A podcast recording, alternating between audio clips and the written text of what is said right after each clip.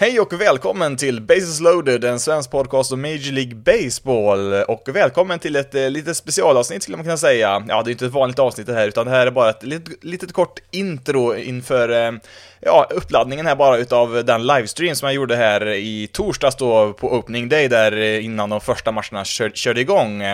Och eh, ja, jag vill bara säga lite snabbt här att eh, den, eh, den här streamen då som jag lägger upp här, den, det var ju en videostream då, så att den gör sig ju bäst kanske om man tittar på den, ja, lite då och då i alla fall. Det kan ju vara lite bakgrundsljud kan man höra den till också såklart, men eh, vissa, vissa tillfällen kanske det eh, passar bättre att eh, faktiskt kunna se vad som händer på skärmen, för jag visar lite olika grafiker och sånt där, så att eh, eh, vill, bara, vill bara säga det innan jag lägger in den här, så att vill man hellre titta på den så lägg in en eh, YouTube-länk här i, i beskrivningen på podcasten så att, eh, så att ni vet om det, men en del av er kanske bara vill eh, helt enkelt lyssna på det, eller bara vill helt enkelt hoppa över det helt och hållet. det, det avgör ni ju själva såklart, men jag tänkte jag lägger upp den här för den som är intresserad i alla fall.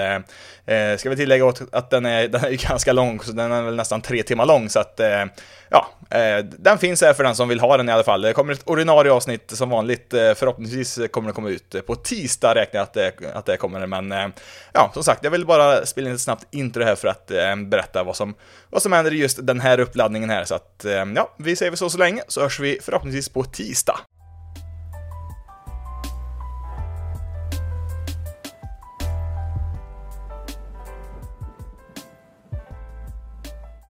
Sådär, då ska vi vara igång där.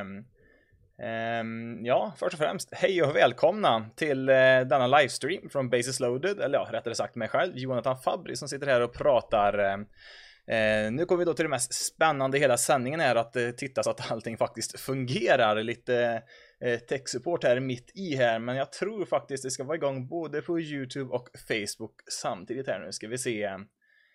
Um, ja, det ser ut som det. Om, om inte annat om, eh, så får ni väl säga till om det är någonting som inte verkar stämma. Uh, ska vi se här. Så ja. Ska vi kolla en annan sak här, ska se hur snabbt uh, ni ser mig det jag gör. Så jag gör en fin vinkel lite fint här, får vi se hur snabbt uh, hur lång tid det tar här innan jag ser det i streamen här, ska vi se. Ja, YouTube är med ganska bra, Facebook också. Ja, det är några sekunders fördröjning är det eh, i alla fall, så att eh, det ska nog gå ganska snabbt innan eh, innan jag kan se era eventuella kommentarer då, för jag har uppe kommentarer som kan se er och ja, Andreas här ser och hör det. Ja, bra, då, då är vi med på banan här i alla fall. Eh, eh ska väl eh, köra igång här lite smått här. Jag vet att en del eh, har väl kanske inte riktigt kommit hem än, så det kanske kommer med några här längs vägen. Och eh, ja, eh, programmet, ja det finns väl ett löst program finns det väl här. Eh, eh ja, hej där är Leif också, ser dig också. Bra, vi har några här i alla fall. Men som sagt, ja, det finns väl ett litet, någonting som liknar ett eh, program i alla fall som vi ska ta oss igenom här.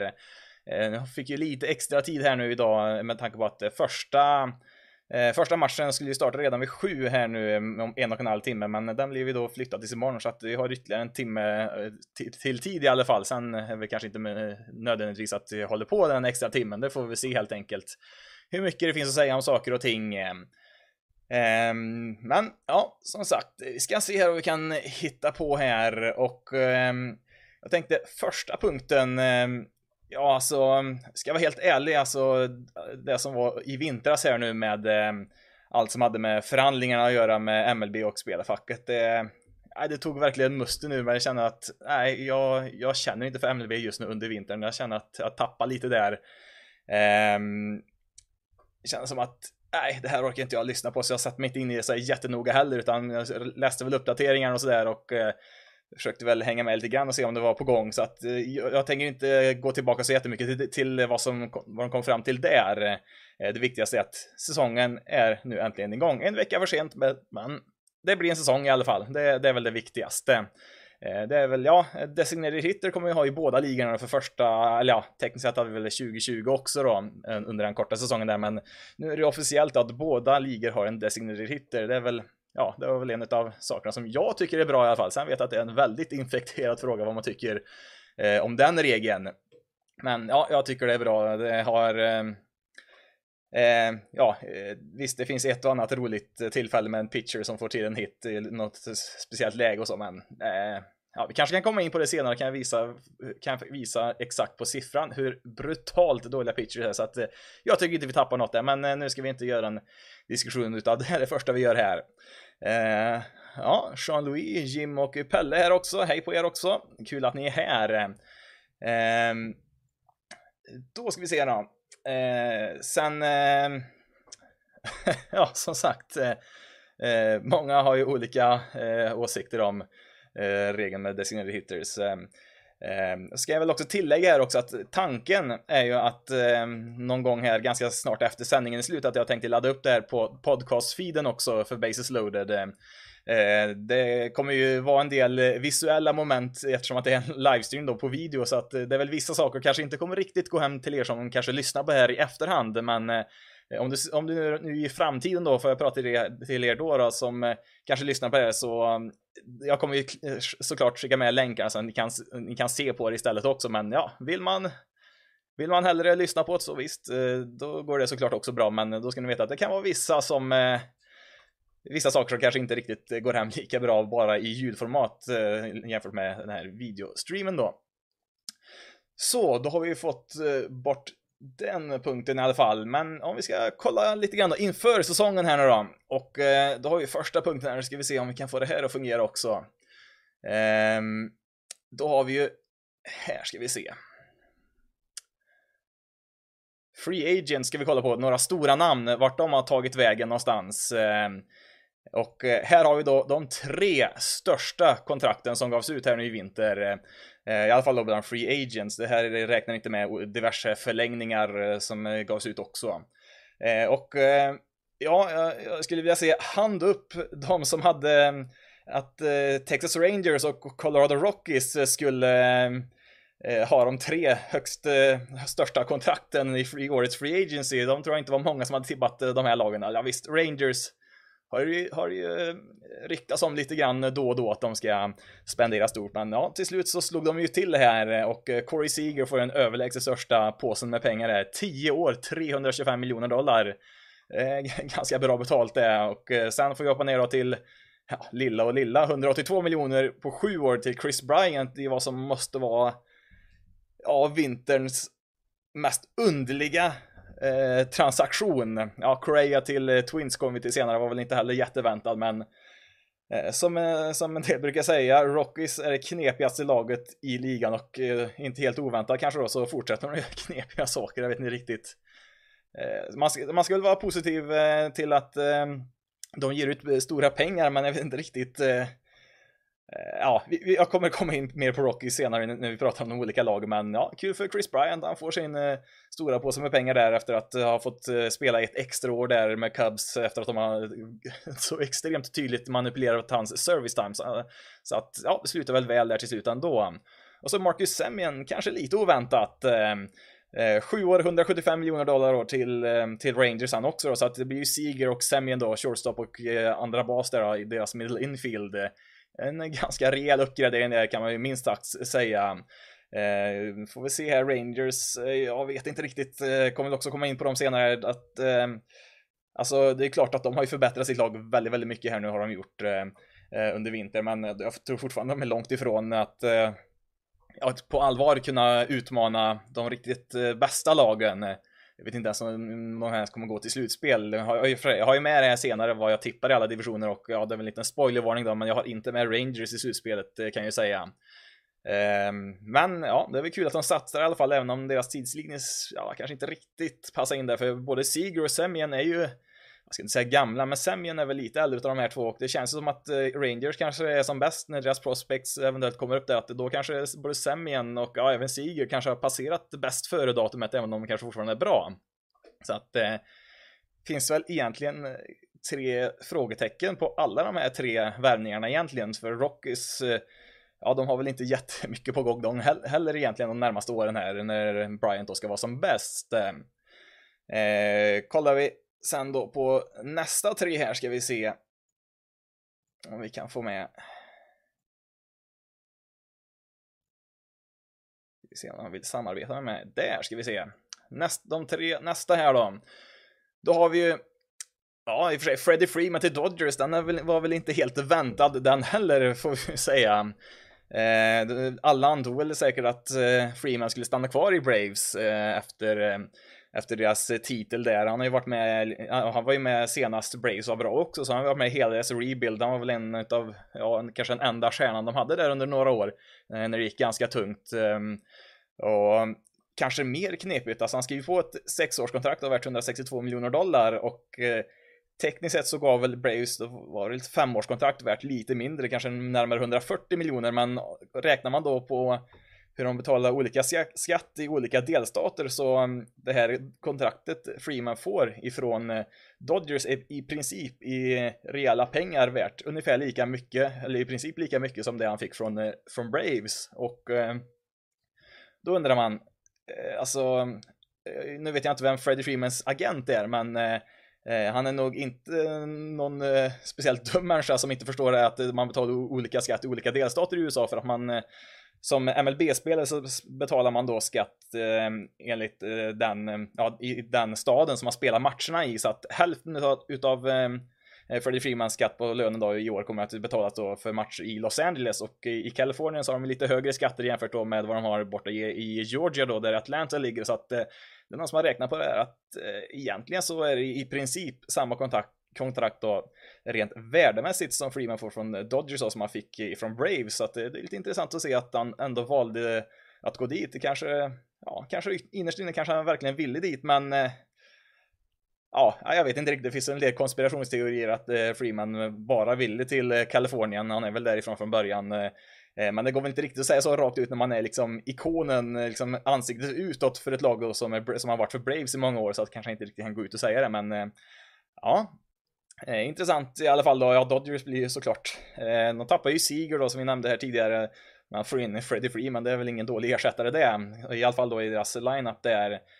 Eh, sen om vi går vidare då har vi ett par shortstops, eh, får identiska kontrakt. Eh, Javi Baez 6 år 140 miljoner och samma kontrakt då till Trevor Story i Red Sox. Eh, Eh, bias till Tigers var väl inte jätteöverraskande så, kan vi inte direkt eh, påstå. Det fanns ju många shortstops att välja på. Sen vet jag att Tigers, de, de gav väl även ett bud till, eh, till Korea också tror jag, men eh, det tackade han ju nej till. Så att eh, man, eh, då skrev man på med Bias istället och eh, eh, ja, eh, nu då är ju jag själv en högst partisk eller opartisk Tiger-supporter är och min spontana känsla med Bias är ja, det är väl okej. Okay. Alltså, Ehm, han är ju en fantastisk eh, spelare på många sätt. Det, det, det händer ju saker när han är på planen såklart. Eh, och han är ju en bra spelare också såklart. Men han har ju sina brister. Ehm, ehm, och alltså, den stora resan som finns här Eh, det är ju att eh, alltså hans, det han är riktigt bra på, att hans, alltså hans eh, egenskaper kommer att åldras ganska dåligt. Alltså han striker ut fruktansvärt mycket. Det är ju en del av hans spel. Eh, han vevar ju ganska friskt och det har ju funkat för det mesta helt okej. Okay. Sen har det väl kanske varit lite väl mycket strikeouts ibland och fantastiskt duktig försvarare och eh, väldigt, ja, väldigt atletisk eh, eh överhuvudtaget skulle man kunna säga och det är ju sådana saker som kanske blir sämre med åren. Eh, man vill ju gärna ha en, de äldre spelarna som kanske inte riktigt kan springa så snabbt och, och, kanske inte kan slå riktigt bra som förr. Vill man ju ska vara lite mer disciplinerade kanske och kanske ha lärt sig vart strikezonen är. Eh, Eh, och så. Och det är väl inte riktigt vad Bias eh, styrka har varit så här långt. Sen kan ju spelare förändras. Så att, eh, jag tror säkert att man har ett par riktigt bra år kvar såklart. Sen får vi se hur snabbt han faller av då ju, ju, ju äldre han blir. Man tror, ju, man tror ju inte att en spelare ska bli sämre innan han faktiskt, ja, innan han faktiskt blir det. Det ska man säga, men vissa spelare tappar ju riktigt mycket ganska snabbt. Eh, ganska oväntat snabbt också. Och eh, tyvärr tror jag väl då för mitt Tigers att Bayer skulle kunna vara en sån spelare, men eh, ja, sett på kort sikt så eh, blir det väldigt spännande att ha med honom här. Um, Trevor Story då. Um, det var en knepig saga det också med Rockies där som han spelade i tidigare då. Um, Ja, vad ska man säga? Så, ja, som sagt, Rockies knepigaste laget i MLB gör knepiga saker. Det är ju inte oväntat, men på något sätt är, ju, är det ju ändå det ändå. Um, de valde att inte trada bort honom vid mm, sommarens dead, trade deadline. Um, trots att de inte hade någonting med slutspelet att göra alls. De hade liksom ingenting att spela för där um, när det väl var dags för deadline där och valde att ha kvar honom. Och tänkte man, ja ja men de eh, ja, de ville väl ha ett, ett, ett draftval istället där då. Då får de, de gav ju honom ett ehm, ehm, ett qualifying offer då, så att eh, när han tackar nej till det då, så får de ju ett eh, draftval då istället. Och ja, jag kan väl tycka att de borde kunna fått mer eh, genom att trade honom än vad de kan få för det där draftvalet. Sen visst, nu har väl tekniskt sett så ska man kan väl säga så här att Rockies har väl varit, ja för allting som de gör fel så har de ju faktiskt draftat spelare ganska bra. Det får man faktiskt ge dem. Det, det kan man säga. Sen deras eh, bytesaffärer, de har väl lämnat en hel del att önska så att de kanske var lite rädda för att göra bort sig igen i en trade så att de tänkte att ja, men draften den, den kan vi ganska bra så vi satsar på det istället. Eh. Och då ska vi väl tillägga att deras nuvarande general manager, de har ju fått en ny här nu som eh, ja, han var väl till stora delar ansvarig för draften förr, så att han satsar väl kanske på det, vad han tror att han, hans styrkor är. Men ja, hur som helst, story bort ifrån Colorado då och Ehm, ja, till ett Red Sox. Hade väl kanske inte riktigt väntat den här ehm, eh, värvningen här. De har ju Bogarts där redan, men han har väl en opt-out efter den här säsongen så att eh, om han försvinner så kan man bara flytta över Story till eh, shortstop då. Han kommer ju spela andra bas den här säsongen, eh, även om han nog är en bättre försvarare än vad Bogarts, har, Bogarts är egentligen. Det har väl funnits vissa rykten om att eh, han har något problem med armen, att han kanske inte riktigt klarar av de här eh, absolut svåraste kasten, men eh, ja, vi får väl se om det finns någon sanning i det eller inte. Oavsett en väldigt, väldigt bra spelare som, som, som, Red Sox, som Red Sox får in här såklart. Eh, sen är det ju alltid en liten fråga. Hur, hur kommer spelare reagera när de kommer iväg från Course Field? I regel brukar det gå ganska bra. Det var ju många som frågade vad kommer hända med DJ LeMayu när han flyttar från, eh, från Colorado till New York Yankees och ja, det gick ju ganska bra kan vi ju säga så att eh, det finns väl goda möjligheter för story också såklart. Går vi vidare till eh, lite andra spelare här ska vi se då. Här har vi då eh, lite mer snabb genomgång på några av de andra lite större kontrakten som vi noterade är att eh, bland de sex största kontrakten Eh, så var det inte en enda pitcher, men eh, kommer vi till de här lite namnen namn längre ner här på listan eh, så ja, då hittar vi några här. Max Scherzer framförallt då, tre år, 130 miljoner dollar. En ganska hyfsad årslön kan man ju säga. Det är ju över, ska vi se, vad är, vad är det? Ja, det är en bit över 40 miljoner per år får han. Eh, nu åkte han ju på någon liten, eh, någon liten skavank här så att han kanske inte riktigt är redo till opening day. Um, och um, ja, jag glömde nämna, det är ju Mets han går till också som, ja, de hade väl ganska bra situationer med Jacob DeGrom, ja, innan säsongen började, för han är ju också skadad nu minst Ja, de pratar väl kanske i juni att han är tillbaka. Scherzer ska väl vara tillbaka ganska snart, det verkar det som. Det verkar inte vara något jätteallvarligt. Uh, så att inför säsongen så hade väl kanske Mets, eller ja, de hade nog den bästa rotation i hela MLB. Eh, ja, eh, på pappret i alla fall då innan säsongen började, men ja, nu är deras eh, två bästa namn borta där då, i alla fall den närmaste tiden här. Eh, Robbie Ray, eh, en kul historia med honom här. han han har ju varit traditionellt sett ganska bra för sitt Diamondback som han spelat för det mesta för, men han hade ju alltid problem med strikezonen, gav ju upp enormt mycket walks. Sen så strök han ut så mycket spelare att det, gick väl att balansera det någorlunda, men eh, sen här mot slutet så har det varit någon säsong där, eh, där det inte har fungerat alls. Och han har liksom till walk efter walk efter walk har det varit. Så att eh, Eh, det, såg ut att gå ut för innan han då kom till, eh, det var ju Blue Jays förra året eh, där han fick chansen igen där och ja, vinner man en Cy Young-titel så ja, då har man väl uppenbarligen gjort någonting rätt och det var väl just att han, han började pricka strikezonen. Det var inte svårare än så för att så vann han en Cy Young-titel.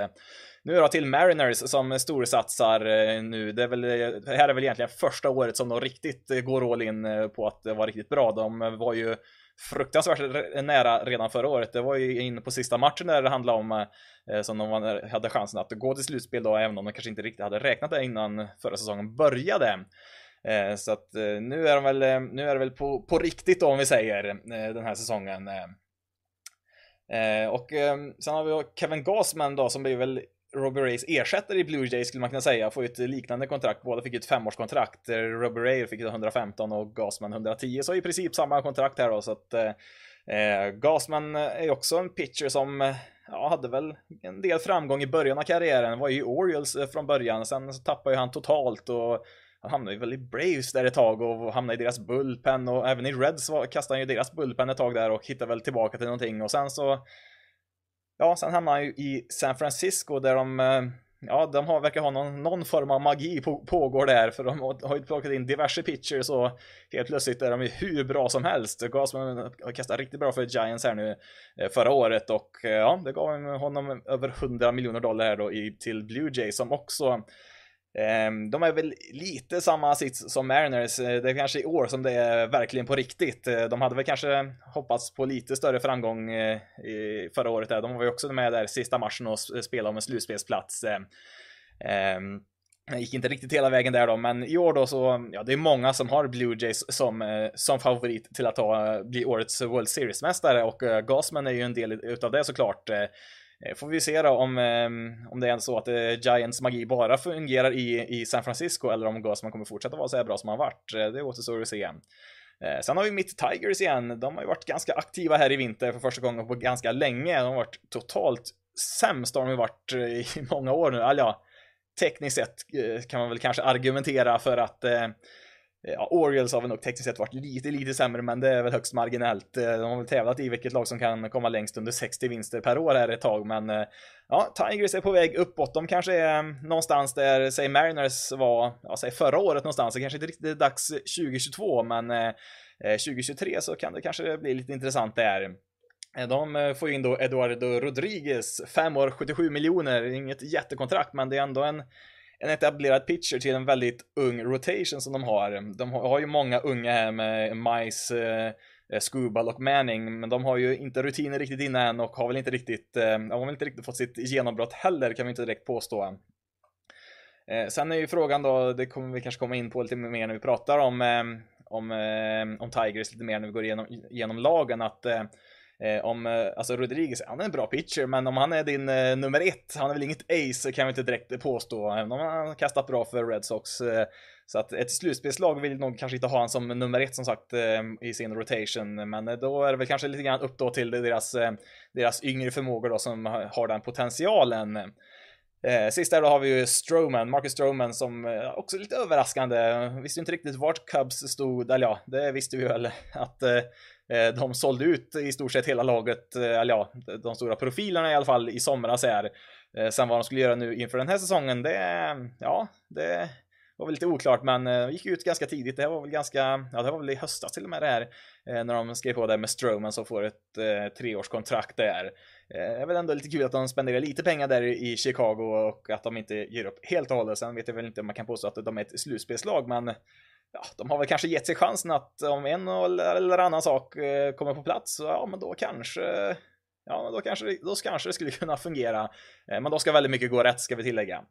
Eh, går vi på högersidan har de lite mer, fler spelare här som man skriver på. Carlos Correa är väl då en av de stora överraskningarna här nu i vinter. Jag ville väl ha en 300 miljoner tänker jag, men fick väl inte riktigt. Han bytte ju agent här väldigt sent, gjorde han. Ehm, här strax innan säsongen började och jag skrev på ett treårskontrakt, vilket ja, egentligen är väl ett ettårskontrakt för han har en opt-out efter både, både första och andra året där så att eh, meningen är väl att eh, spela ett år i Minnesota, förhoppningsvis spela på en hög nivå och sen komma ut som free agent igen. Han är väl bara 27 eller 28 så att han kan fortfarande få en stor påse med pengar han också. Eh, men ja, Twins klagar väl inte. De får ju en, en fantastiskt duktig shortstop ehm, eh, i en säsong i alla fall.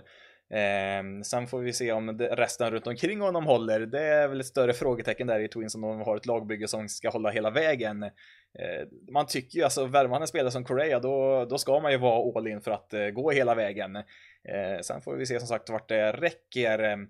Eh, jag tycker väl ändå, ändå att Korea kanske var den bästa shortstoppen som var tillgänglig. Eh, sen kan man ju diskutera hans skador och så vidare, men jag tycker att när han väl är på planen så tycker jag att Ja, jag har nog hellre honom än eh, Corey Seager måste jag säga. Corey är ju duktigare defensivt i alla fall. Eh, det är han ju, men han har ju haft eh, sina skadebekymmer så att det får man väl ha i åtanke också.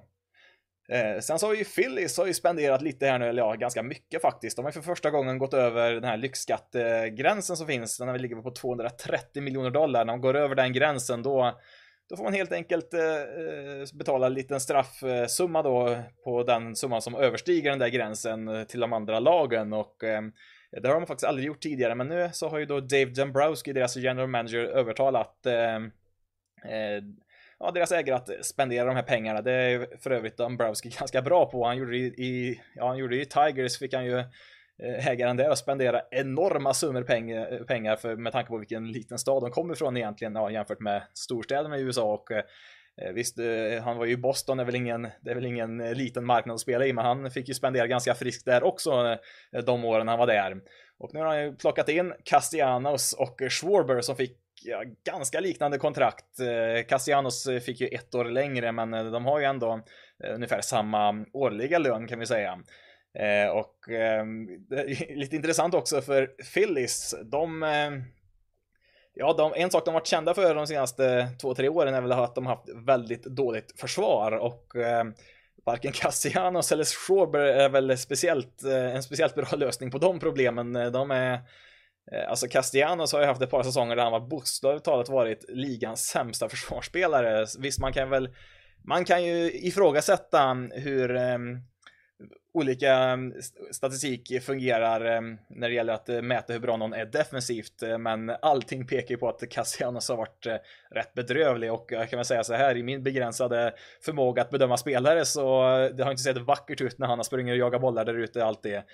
Och Schwarber är väl inte mycket bättre han, så att eh, Eh, jag lägger till dem där till deras, eh, till deras eh, försvarsspel. Det, det, det, kommer ju att kosta en och annan run, men de kommer väl för, förhoppningsvis då att slå iväg några fler då, så att det kommer nog bli, kan nog bli ganska svängigt i en del Phillies-matcher i år kan vi ju säga. Starling Marte till Mets där har vi också fyra år, 78 miljoner. ska vi, de har väl haft, ja, det har varit lite tufft. Eh, Eh, i deras eh, centerfilposition har väl inte varit klockren kan vi väl säga på sistone för Mets. Eh, jag har haft eh, Brandon Nim har väl spelat där och har väl Ja, det, jag har inte sett varje match men det har varit en acceptabel lösning kanske som bäst. Eh, Martey är ju en duktig centerfielder även om han börjar bli lite till åren också han såklart. Eh, eh sen har, brukar han ju ta lite stolen bases också så det är ett klart plus där med. Eh, och den sista jag har med då, Nelson Cruz. Eh, Eh, det är inte det största kontraktet, men det är också ett, men det, det är ett väldigt överraskande kontrakt till Washington National som, ja, de kommer nog inte ha mycket och eh, många framgångar i år om vi ska uttrycka det snällt. De har ju sålt av hela laget nästan förutom Juan Soto i princip. Eh, ja, och Nelson Cruz nu då som kommer in på ett ettårskontrakt, 15 miljoner Eh, ett eh, väldigt tydligt exempel på en spelare som aldrig skulle få spela i National League under tidigare regler, men nu får de också ha en designerad hitter. Då kan man ju skicka in en, ja, en, måste vara 40 plus i alla fall, Nelson Cruz. Men ja, slå homeruns, eh, det är han duktig på så länge han inte behöver stå och vakta någon bas eller något sånt där ute på planen. Så att, ja, får vi se. Det är väl en ganska, ganska het kandidat att trada sig någon gång under sommaren för att få lite prospects där.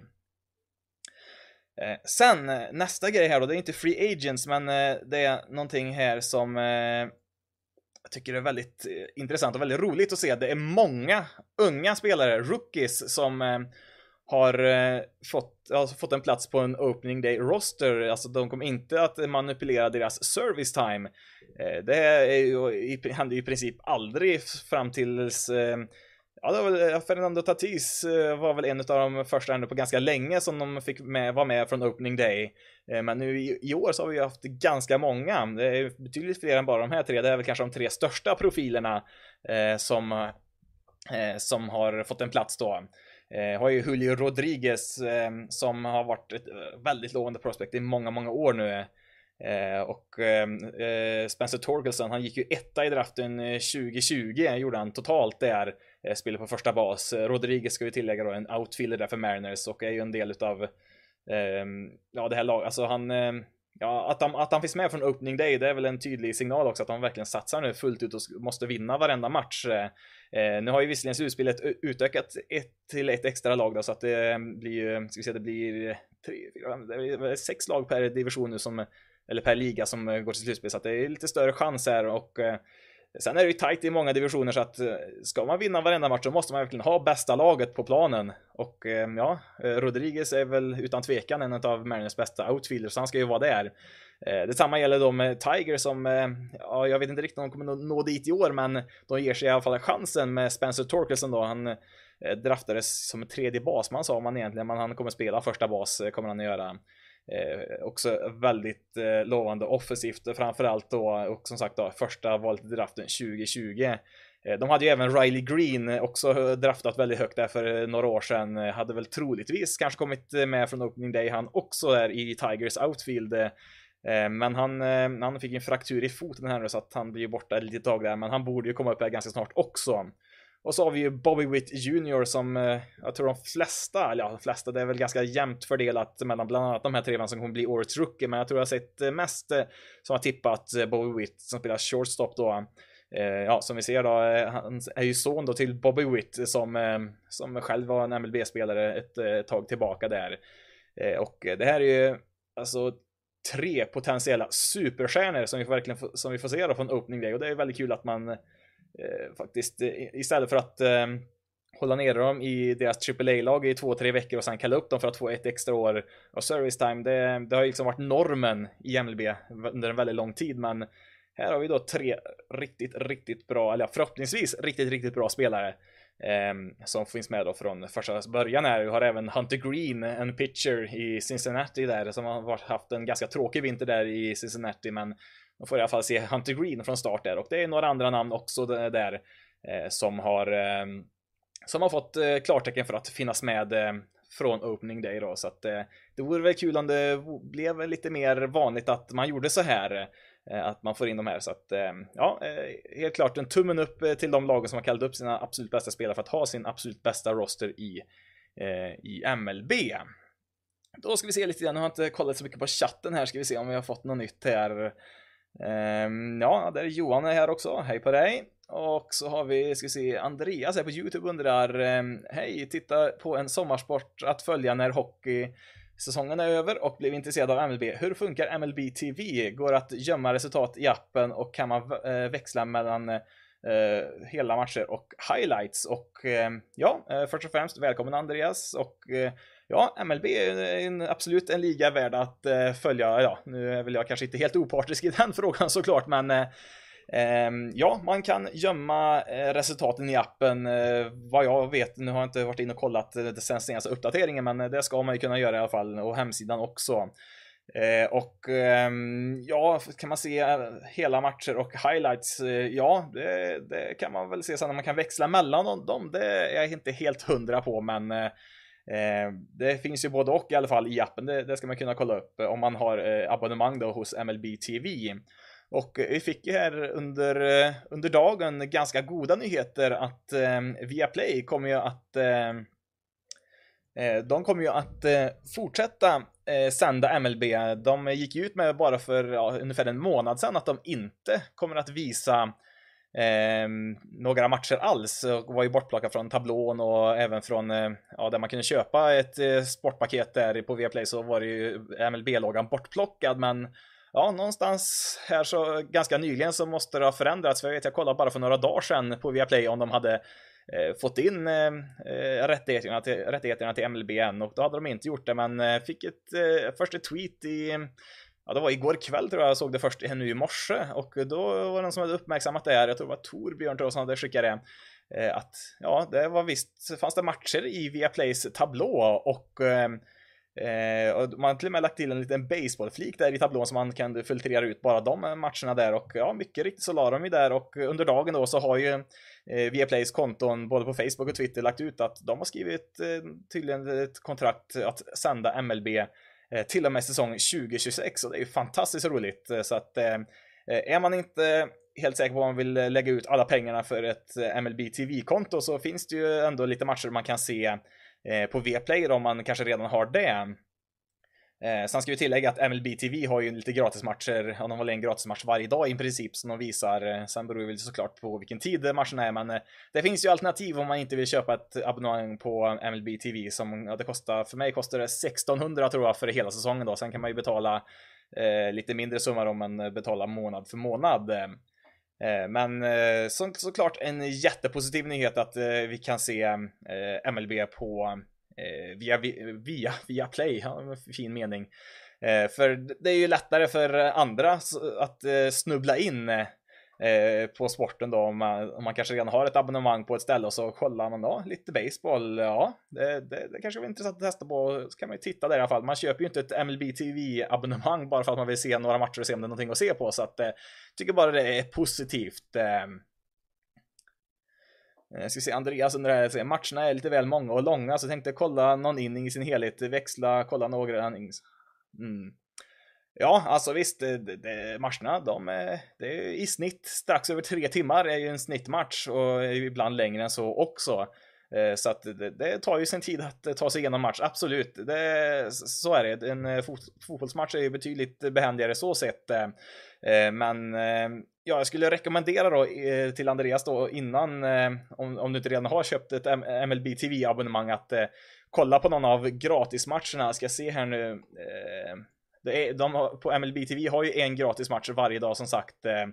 Eh, idag, ja till, till exempel idag, Guardians Royals är gratis klockan 10 eh, kan man se den på MLB TV utan, utan att ha ett abonnemang. Det, man behöver ju ha ett eh, eh registrerat gratiskonto på ML, MLBs eh, hemsida då, men eh, de matcherna kan man ju kika på och se ja, om det är något att, att följa eller inte och så. Och sen Ja men som sagt, är man osäker får man ju såklart ställa frågor ja, till mig eller till Eh, hashtag MLBSC, där finns det ju en del eh, tappra själar som säkert eh, kan svara på lite alla möjliga frågor där. Så att, det är väl ett tips då om man inte vill gå all in direkt då att kolla på de här gratismatcherna eller om man har ett Viaplay-konto att kolla igenom dem då. För de brukar ju för det mesta, det har de blivit bättre på här på slutet att visa de matcherna som sänds på lite bättre sändningstid då för oss här i Sverige. Så. Då ska vi se här då.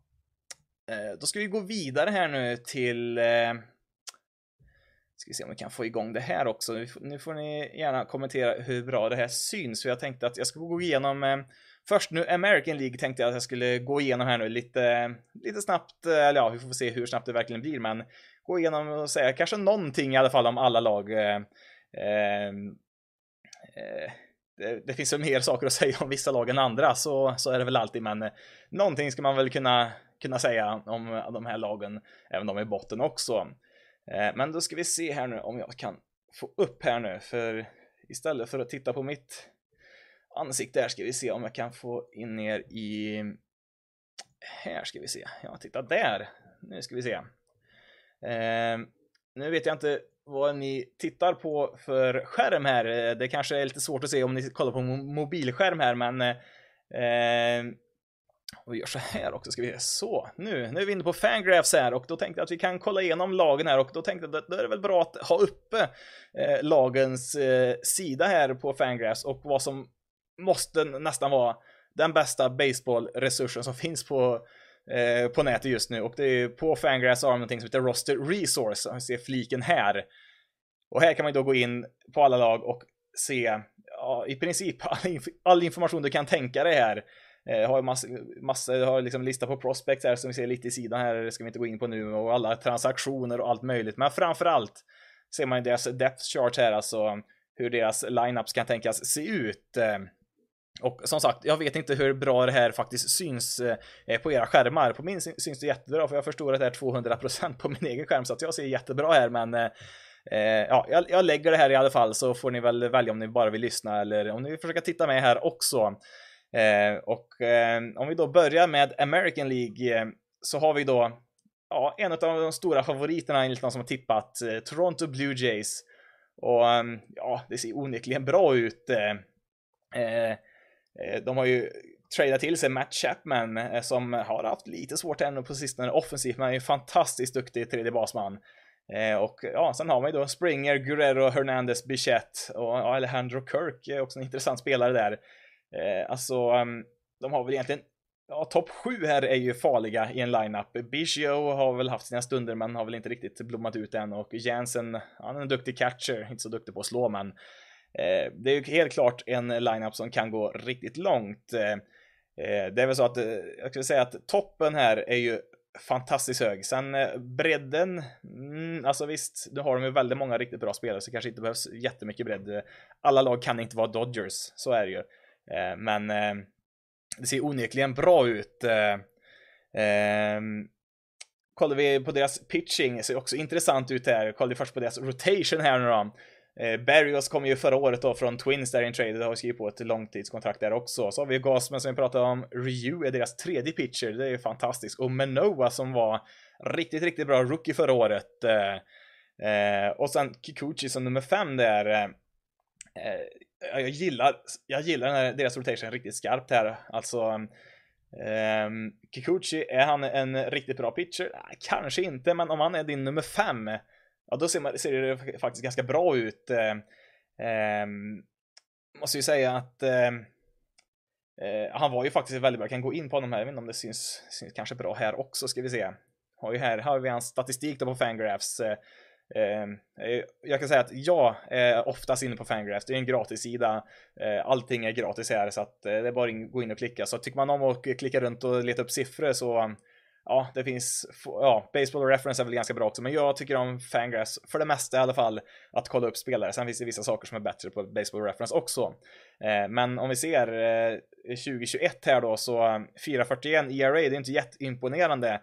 Eh, och det är inte jättedåligt heller, men han var, var, väl ganska mycket bättre. Var väl första halvan var ju riktigt, riktigt bra för Mariners och sen rasade han väl totalt ihop här eh, under slutet av säsongen och det har väl, var väl, har väl kanske varit lite hans problem. Han har stundtals varit riktigt bra Kikuchi, men har inte riktigt kunnat få det att fungera över en hel säsong. Eh, så att, eh, ja, har man honom som nummer fem, då, då ser det bra ut. Sen får vi se hur det är med skador och så. Eh, såklart. Men eh, ja, eh, de har en bra offensiv, riktigt bra rotation. Tycker han är lite underskattad. Man pratar ju mycket om Mets rotation, med all rätt såklart. Scherzer och DeGrom i samma, det, ja, nej, det kan man ju inte undvika att prata om, men jag tycker Blue Jays, tycker, tror en del har missat lite grann i alla fall. Sen får vi se hur det är med skador och så. lagens bullpens vet jag inte riktigt om man kan prata så här jättemycket om. Det, ja, relievers, de, de kommer och går, eh, kan vi säga. Eh, han han väl Romano, visst, han, han är duktig, men en riktigt duktig closer ena året kan vara riktigt bedrövlig nästa år, så att eh, eh, ska vi inte gå in så jättemycket på dem, men om vi kollar lite längre ner här kan man också se då på Fangraphs, det har ju Nate Pearson här då, det är alltså Projected Injured List Pitcher, alltså skadade spelare då som förväntas finnas med på deras Major League-roster. Och ja, Nate Pearson, han var ju för något år sedan en av MLBs högst rankade prospects, så han har väl inte riktigt eh, eh, levt upp till det än så länge då, men han har haft en del skador. Eh, och eh, kan väl tillägga här också att, eh, nu ska vi se om vi ser, eh, man kan se här, jag vet inte om ni ser vart den markerar här, men de här tomma vita rutorna här, här vill man ofta att det ska stå lite siffror, för det här är hur eh, prospects, hur de rankas som prospects. Eh, ehm, ja, här har vi Julian Merriweather, han eh, rankades som deras åttonde bästa prospect förra året, det är för, eh, 20, oj, nu är det 2021. Nu är inte han ett prospect längre så kan han inte bli rankad, men då kan man gå ner lite längre här och kolla. Eh, för ja, här har du minor leaguers you should know och här ser man då först då på catcher-positionen kan man se alla eh, alla spelare de har där och det är hela vägen ner till, ja han spelar en i en rookie-liga 17 år.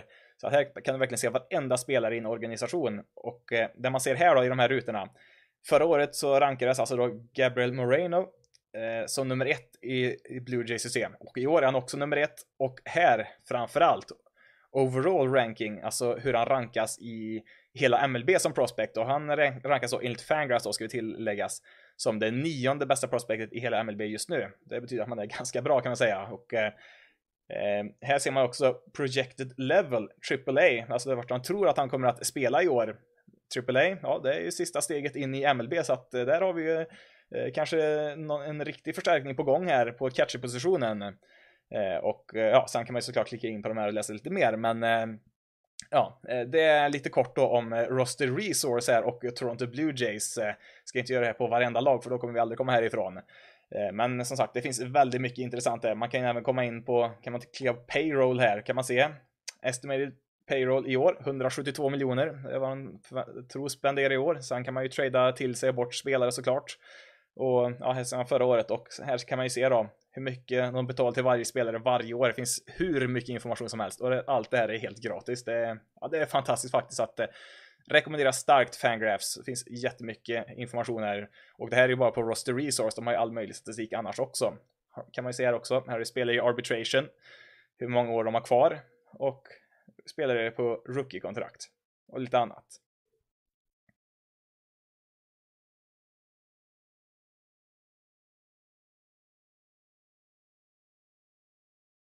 Åh, ursäkta, jag var tvungen att hosta lite där. Det, det blir, en hel del, det blir en hel del ord att eh, ta sig igenom här eh, när man sitter och pratar om alla lagen. Men ja, vi kör vidare här. Vi kan väl ta i ordning här så blir det lättast. Eh, och vi börjar med kanske det mest, eller rättare sagt minst relevanta laget i hela MLB. Baltimore Orioles. Det är väl de eller Pirates. Det får man väl, kan man väl lotta om vem det är, men eh. samtidigt kollar man på deras line-up på deras offensiva spelare, Mullins, Mountcastle, Santander, Mancini och Austin Hayes, det är fem spelare som, ja, men, eh, ja, som är bra eller väldigt bra spelare. Så att det, det finns ju någonting där. Kollar vi på deras pitching, det finns det ingenting. Ja, John Means är väl duktig, det är han ju såklart, men de har ingen pitching för fem öre. Kollar man här, om man går lite åt sidan här, så kan man se lite projections här. Nu ser vi inte namnen här då, men ja, John Means då, deras bästa pitcher förväntas då enligt projections få en ERA på runt 4,3. Nu tror jag nog han kan kasta bättre än så, och det här är väl såklart då giss, i bästa fall gissningar, men man vill ju att man vill ju kanske ha några spelare som förväntas eh, ha hyggliga siffror. Och deras bullpen, det är liksom 4 och 5 i ERA. Sen visst, relievers och ERA, mindre viktigt kanske. Men man kan ju hoppas, kan ju hoppas någon var bättre. Deras bästa reliever förväntas ha en ERA på runt 4. Ja, runt 4. Um, ehm, det kommer dröja ett tag. Uh, vill man som Orioles-supporter hitta något positivt, ja då får man ju bläddra ner här och där hittar vi då det bästa man kan hitta här nere på Prospects. Etta, etta, etta. MLBs bästa prospect, Adley Rutschman. Hade ju varit eventuellt en kandidat att få vara med på en opening day roster även han i år, men han eh, har ju skadat sig här nu, kommer ju dröja ett litet tag till här. Eh, gick ju etta i draften, var det 2019 han gick etta tror jag. Ja, det står precis här. Draftad etta, första rundan är 19 ja. Precis, som sagt, all information finns här och eh, eh, eh, ja, en del har ju haft Rutschman som nummer ett, en del har Bobby Witt Jr som nummer ett, men det är ingen tvekan om att det här är ett riktigt bra prospect, men eh, Eh, ja, de, de, har ju lite offensiv kapacitet, det har de faktiskt, men eh, med deras pitching så kommer det nog inte kunna gå kunna gå på, på något sätt och vis. Eh, jag, jag kan inte se något annat än att, än att de blir sist i divisionen. De spelar ju en väldigt tuff division och en av dem är ju då Boston som vi har det här. Ehm, de har väl, ja, till viss del eh, kan de väl påminna om Orioles i det att de har ju väldigt eh, många duktiga offensiva spelare. Sen finns det ju en del frågetecken eh, på pitching-sidan. Eh, sen har de väl betydligt eh, bättre kapacitet där än vad Orioles har, men det finns väl, ja, lite likheter så kan man ju säga. Ehm, och här ser vi då Trevor Story om om man ska tro Fangraphs gissningar så kommer han gå in som nummer 6 här i slagordningen. Det är ingen dålig spelare att ta där, så att offensivt riktigt bra. Skulle jag tro i alla fall. Sen vet man ju aldrig vad som händer. Men om vi ser här nere då, deras pitching. Eh, Iovoldi har ju varit känd för att vara skadebenägen. Nu kastar han ju riktigt bra och eh, väldigt många innings förra året. Eh, får vi se om han kan upprepa det. Sen efter så är det ju... Alltså jag, jag vet ju att Red Sox tycker om Pivetta väldigt mycket. Kommer ju från eh, Phillies. Eh, ja, här ser vi ja, augusti 2020. Han har inte visat det än, det har han inte gjort. Kan han göra det? Ja, kanske. Tanner Houck gjorde väl bra på lite speltid förra året. Får vi se om det han kan prestera över en hel säsong. Eh, Michael Waka hade ju ingen bra säsong i race som... Är det någonting race kan så är det väl pitching och inte ens de kunde ju lösa honom där. Eh, jag vet inte riktigt om han kommer... Eh, ja, han har väl haft några hyfsade säsonger bakom sig, men det är väl inte någon jag har jättestort förtroende till. Också Rich Hill som för evigt ung. 42, notera siffran. eh, ja, eh, får vi se hur många innings han kan kasta, men han kan väl säkert äta en del innings i alla fall. Eh, sen har vi ju då, här då, eh, på, eh, på deras injured list, Sale och Paxton har de fått in här. Ja, Sale, ja, är 33 nu. Eh, har ju, har ju visat att han kan vara hur bra som helst, men frågan är, är han fortfarande det? Vet inte. Det får vi se när han kommer tillbaka. Och James Paxton, på tal om skadedrabbade pitchers, han ligger väl i, i toppen på den listan när det gäller eh, antal dagar på en injured list. Då börjar han ligga ganska bra till det. Så att eh, det hänger mycket på Red Sox pitching. Offensivt eh, tror jag, det, där har man som att klara sig, men man måste ju man måste få ut mer än väntat av sin rotation tror jag om det ska kunna gå vägen. Framförallt i en sån här tung division och jag tror väl att de har väl lite grann lite, lite samma sak som med eh, som med Phillies. Det kan eh, bli ganska stora siffror i deras matcher för de kanske de kanske kan producera mycket runs framåt, men de kommer nog att tillåta en del också beroende på då hur deras rotation ser ut här då. Men ja, lite skeptisk i sin helhet när de spelar en så tuff division för att vara till Red Sox här nu på förhand i alla fall.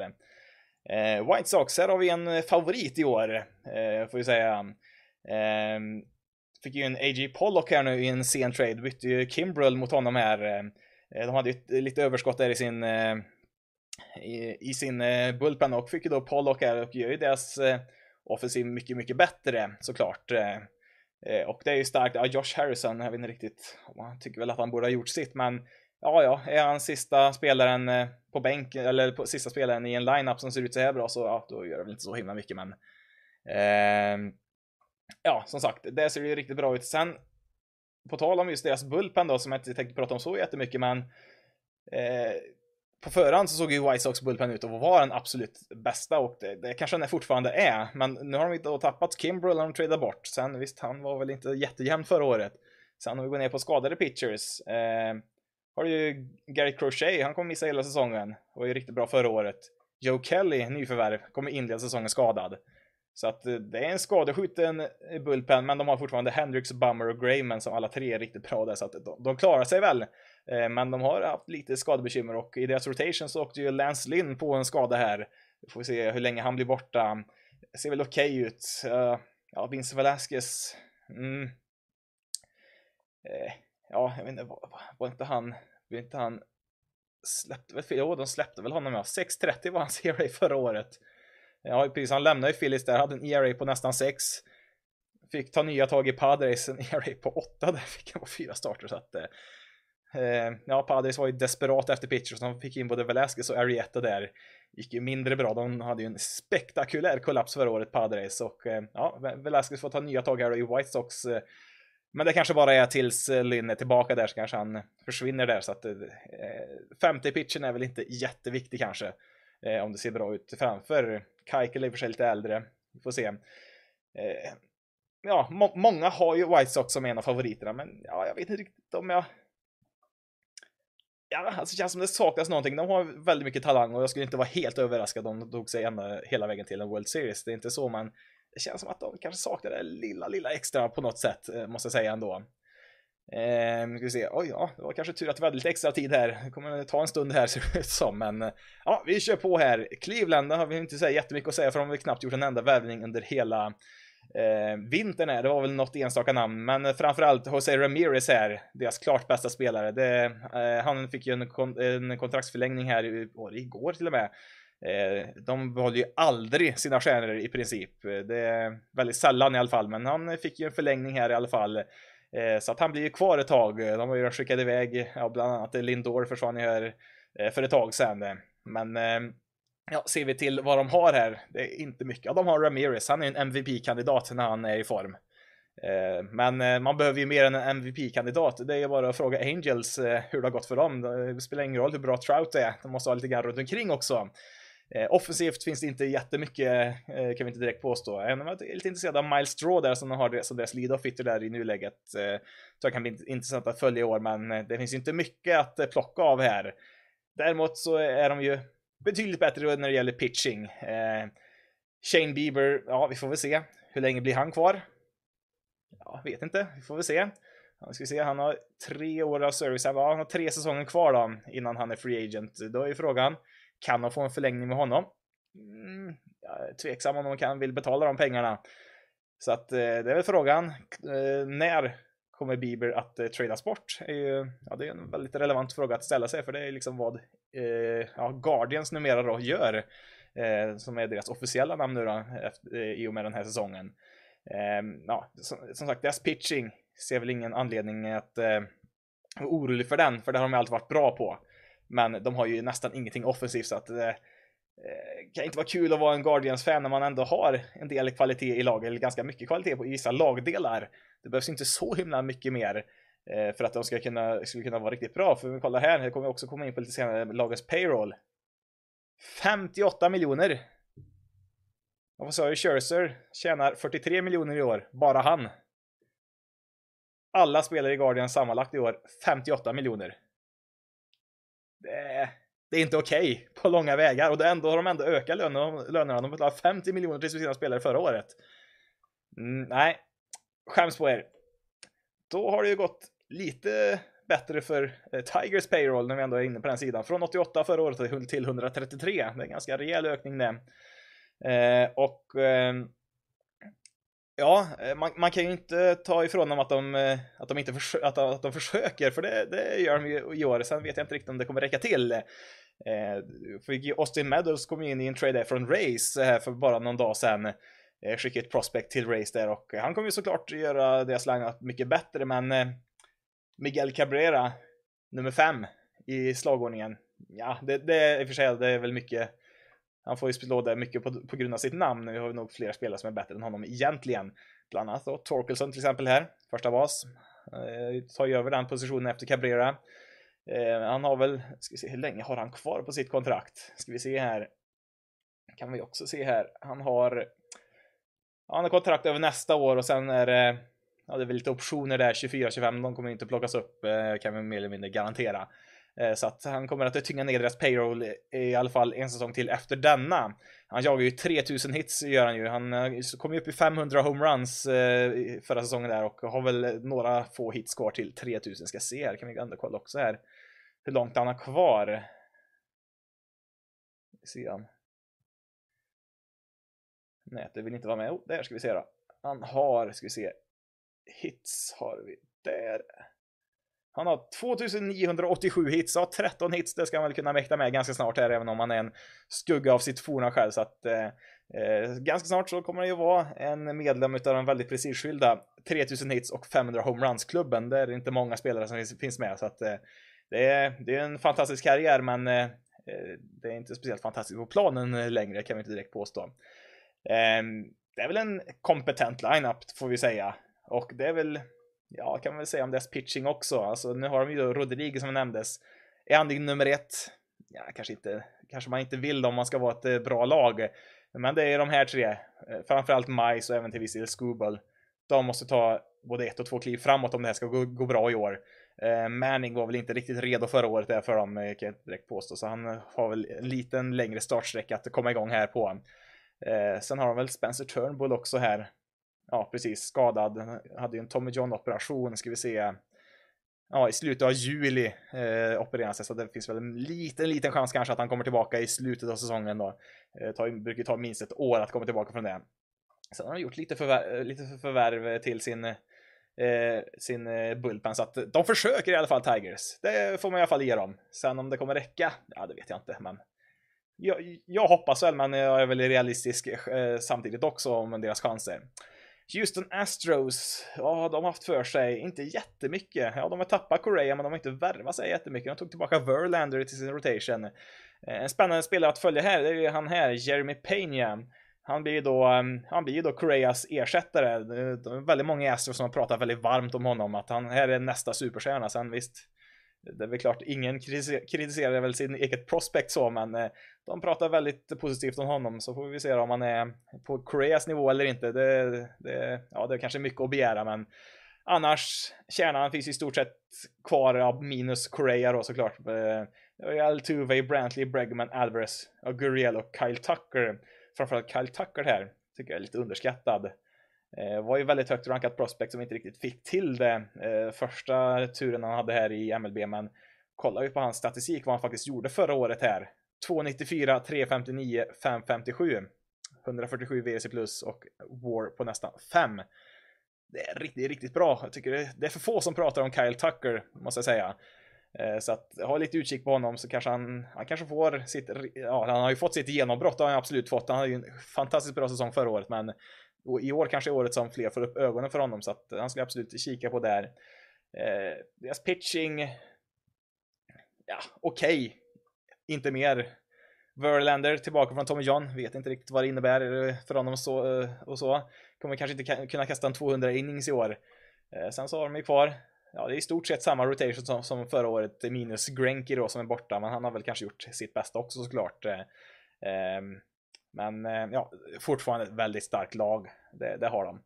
Så nej, vi måste skynda på lite. Vi kommer inte komma igenom American League ens halvvägs här nästan. Eh, Royals. Ja, Bobby Witt är ju kul att han finns med.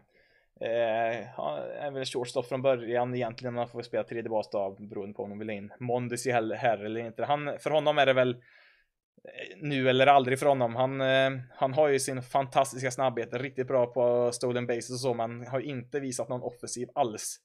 han, det, så att det, det känns som att nu, det är nu det gäller för honom att visa att han hör hemma eh, på en, eh, en Major League-roster, i alla fall som en ordinarie spelare.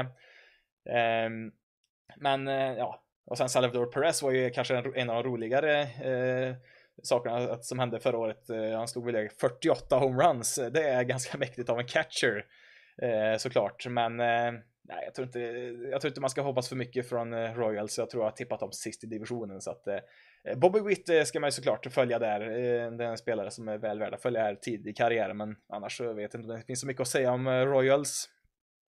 Angels, ja här finns det väl hur mycket som helst att säga egentligen, men om vi begränsar det till det mest relevanta. Offensivt, ja, topp fyran här, finns inget fel på. Otani, Trout, Walsh, Rendon. Sen är frågan hur, eh, hur pass friska kommer de vara. Rendone har ju inte spelat många matcher i Angels tröjan så länge med skador. Trout har ju varit mycket skador eh, på sistone och om vi ser här. Han är över 30. Den magiska siffran. Eh, nu tror jag han kommer vara bra i många år till, men ja, varje dag man passerar eh, över 30, det är en dag närmare än man blir en sämre eh, baseballspelare. Och redan pratats på att han kanske inte ska vara en centerfield längre till och med och det högg han, väl, högg han väl emot lite grann. Han vill fortfarande spela positionen så länge han kan. Eh, han är väl okej okay där nu för tiden. Han är kanske inte riktigt så bra som han en gång var. Eh, och eh, då har man ju de här två, framförallt Brandon Marsh är väl kanske egentligen eh, jag tror nog han egentligen är en bättre centerfielder än vad Mike Trout är. Sen eh, flyttar man väl inte på eh, en eh, klubblegend hur som helst då från sin position. Ehm, jag tror väl att antingen Marsh eller Adele måste ta ett rejält kliv framåt här för dem om de ska ha en chans i år för att eh, alltså visst, de har ju några riktigt tunga här eh, längst fram i sin eh, lineup här, men eh, jag tror nog att de skulle behöva en till eh, riktigt kompetent offensiv slagman för att få till det riktigt bra. Sen är det som alltid eh, Angels pitching. Ja, Otani, ja. Man, man vill ju att han ska kunna upprepa vad han gjorde förra året, men eh, det är långt ifrån någon garanti. Det är liksom, det finns, det är bara Otani som har gjort det någonsin. Alltså, jag brukar säga att Otani är den första som gör vad han gör sen Babe Ruth, men det är en sanning med viss modifikation för eh, Babe Ruth var ju i regel antingen en pitcher eller en hitter. Alltså han var ju en pitcher tidigt i sin karriär. Sen var det väl någon säsong där som man gjorde, gjorde lite grann både och, men aldrig på den nivån som Otani gjorde. Han var ju, eh, alltså Babe Ruth var ju inte dominant både som pitcher och eh, hitter samtidigt, utan eh, det var att han gick över till att börja slå och blev helt plötsligt eh, eh, världens bästa baseballspelare, i alla fall offensivt då. Otani, ja, han kanske inte är ligans absolut bästa offensiv, offensiva spelare, men han är en av de bästa. Han är absolut inte ligans bästa pitcher, men han ligger ganska högt upp i toppen där och det är just det att han är så bra på både, både och. Det, det var inte ens Babe Ruth, i alla fall inte samtidigt. Så att eh, det, det är svårt att kunna, eh, svårt att gissa, alltså är det möjligt att göra eh, så bra säsong som Otani gjorde mer än en gång? Ja, det får vi se. Det kommer ju, kommer ju behövas för eh, det är många frågetecken i deras rotation. Noah Syndergaard, ja han kan ju också vara jättebra, men efter alla skador. Han har kastat totalt, eller, totalt två innings 2020 och 2021, alltså sammanlagt. Han kastade två innings förra året och inte en enda 2020. Så att eh, vet inte hur många innings man kan få ut från honom. Så har Michael Lorenz som ska, som ska starta. Han har ju varit en reliever i massa år. Reed Detmers, rookie. Ja, det är för mycket frågetecken jag tror jag i deras, eh, bland deras pitching för att jag ska tro på dem fullt ut. Men det vore kul att få se eh, både Trout och Tani i ett slutspel, absolut. Eh, Twins, hur ser vi ut här då? Ja, Carlos Correa där såklart. Eh, eh kryddar ju deras lineup ganska rejält. Eh, Gary Sanchez är ett tillskott också. Eh, kommer ju en väldigt uppmärksammad trade där med Yankees när de skickade eh, de skickar ju Josh Donaldson åt andra hållet där, fick de med Gio Urshela och eh, ja, offensivt där, inga problem. Men här har de lite samma problem eh, som, eh, som Angels, deras pitching. Ja, det kan gå. Nu, precis idag då har de tradat till sig Chris Paddock. Eh, kanske kan fixa till honom. Han hade ju en väldigt bra rookie-säsong och sen har det inte gått alls bra efter det. Sonny Gray, bra stabil pitcher i regel. Eh, men han kanske, om han är din bästa pitcher, ja. Det är inte så att man är en eh, contender på riktigt, alltså ett slutspelslag, ja kanske, men jag tror inte många lag med Sonny Gray som din bästa pitcher kommer att gå hela vägen till en World Series. Eh, det, det, är många frågetecken. Det är mycket som måste gå rätt här för att de ska kunna gå långt i år. Eh, får jag säga angående Twins, men offensivt eh, finns det väl. Ja, där, där räcker de till i alla fall, så kan vi säga. Ehm, så att jag ska inte räkna ut dem helt. Ehm, Yankees då. Ja, detta Yankees som jag tycker, jag tycker de borde vara lite bättre egentligen än vad deras, än vad de har spelat de senaste åren. Om man ska vara helt ärlig. Samtidigt, de har inte varit dåliga på något sätt, de har vunnit en himla massa matcher, men det känns som att det är någonting som saknas i det här laget eh, på något sätt, även om de har, ja, det är inga dåliga spelare de har här såklart, men eh, det måste ha svidit lite grann för Yankees-fans som väntar sig att nu är det den bästa shortstop-marknaden någonsin. Det kommer att finnas rekordmånga shortstops att, eh, som blir free agents här nu i vinter. Att, och, ja, alltså, i alla fall en av dem kommer ju hamna i Yankees. Vad fick de med sig med? Isaiah Kainer Falefa. Ja, det kanske inte riktigt vad man förväntar sig i New York. Eh, eh, ja, jag vill inte tala ont om honom, men eh, det, det är ingen Carlos Correa vi pratar om här. Eh, om vi kollar på hans siffror här, han kommer ju alltså då i en trade, eh, eller ja, via två trader. Först tradade han till, till Twins då, ehm, för Mitch Garver var det väl där. Och sen nästan direkt då till Yankees. Så kollar vi hans siffror, han har aldrig varit bättre än en genomsnittlig slagman i MLB. Sen kan han spela massa olika positioner och eh, är väl, är väl ganska bra defensivt. Det är, det är han väl. Till och med spelar som catcher i MLB så att han kan ju verkligen spela lite överallt. Och han är väl kanske en bra spelare att ha som en utility-spelare som kan hoppa in lite här och var där det behövs. Men eh, det är en ordinarie shortstop. Mm, ja, det är väl upp till bevis då för Yankees, eh, eh Yankees coach om de kan få ut något litet extra från honom där. Men eh, ja, överlag, det, det, det är ingen dålig line-up. Man fått in Donaldson och tagit tillbaka Rizzo, skickar iväg eh, Eh, och nu tappar jag namnet på honom. Eh, Luke Voigt på första bas var inte dålig han heller, men ja, Rizzo har väl, han är ju mer etablerad såklart.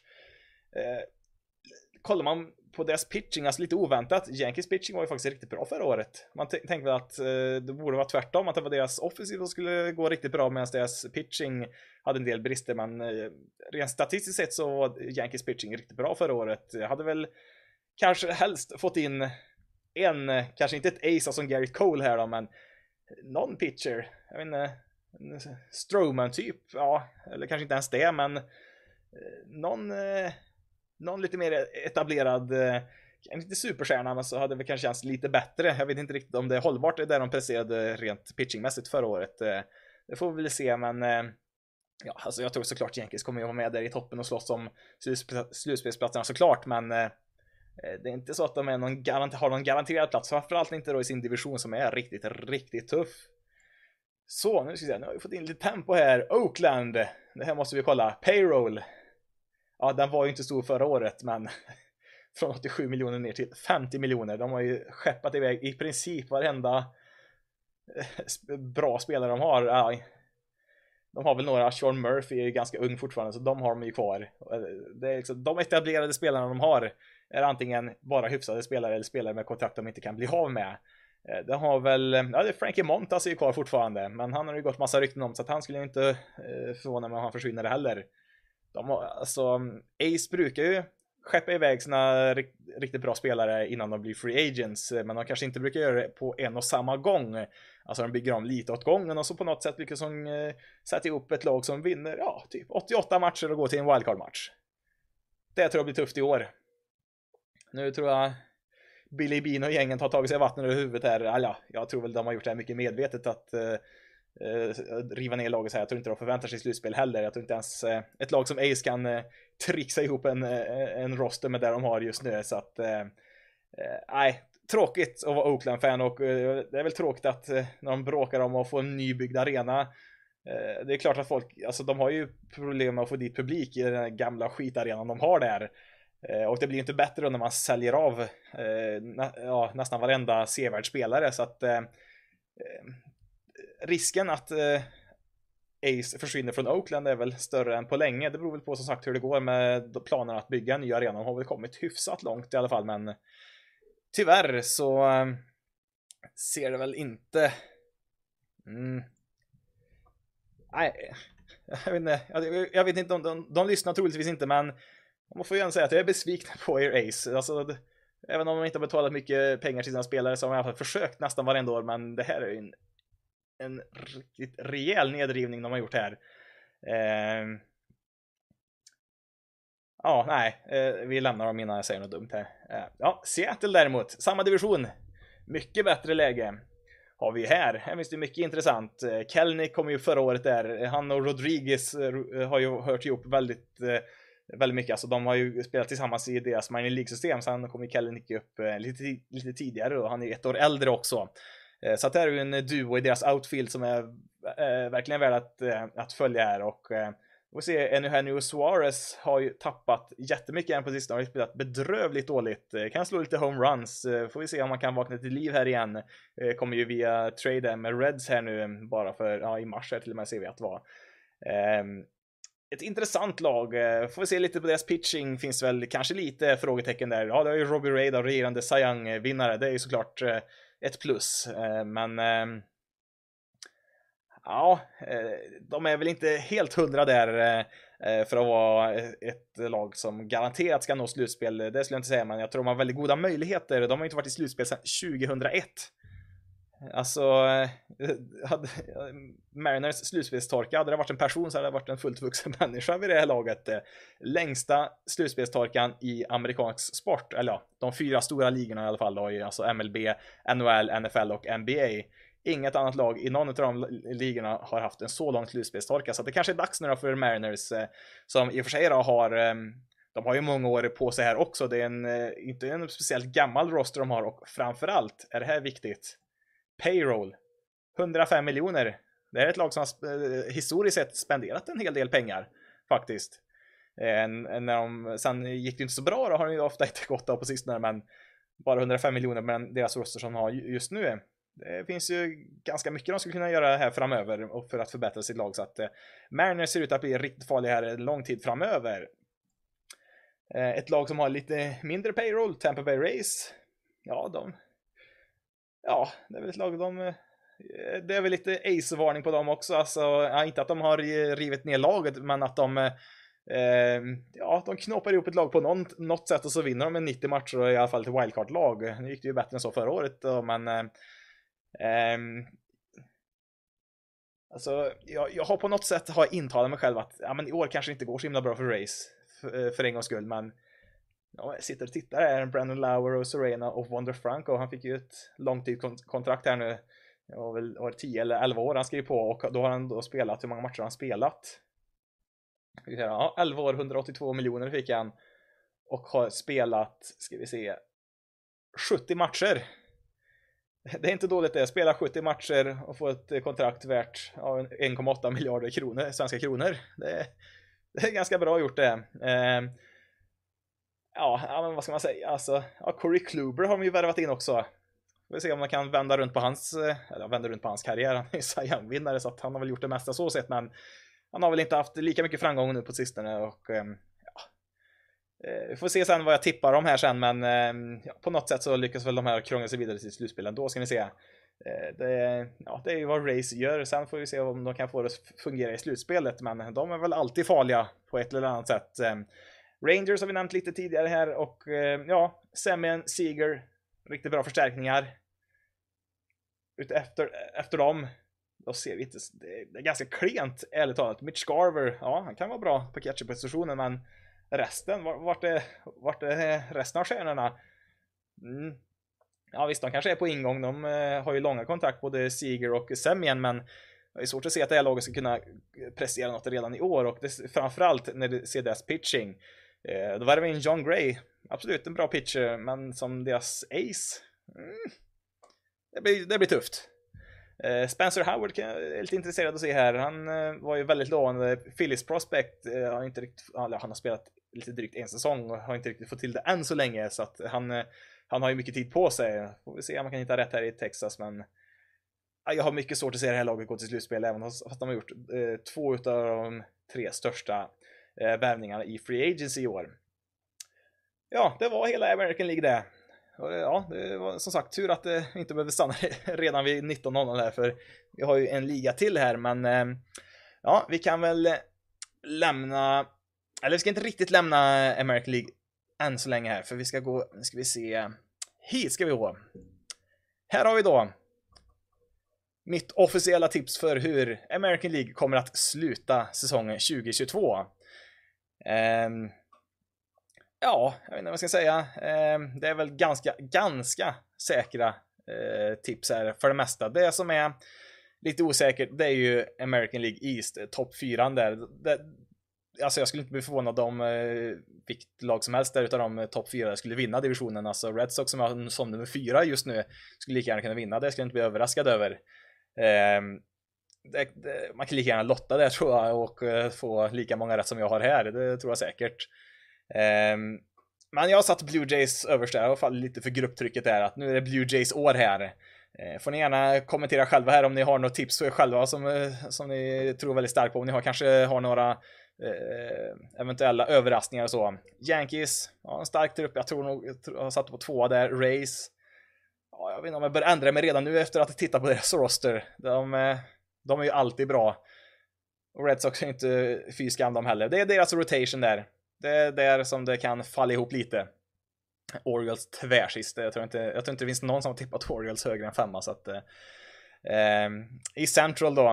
Eh, ja, White Sox är stora favoriten. Jag har Twins före Tigers, även om jag inte tror att Twins kanske är ett slutspelslag. Jag tror att Tigers, kan, det, är, det är ett år för tidigt för Tigers tror jag. Och eh, Guardians, jag tror inte det riktigt räcker till deras pitching heller.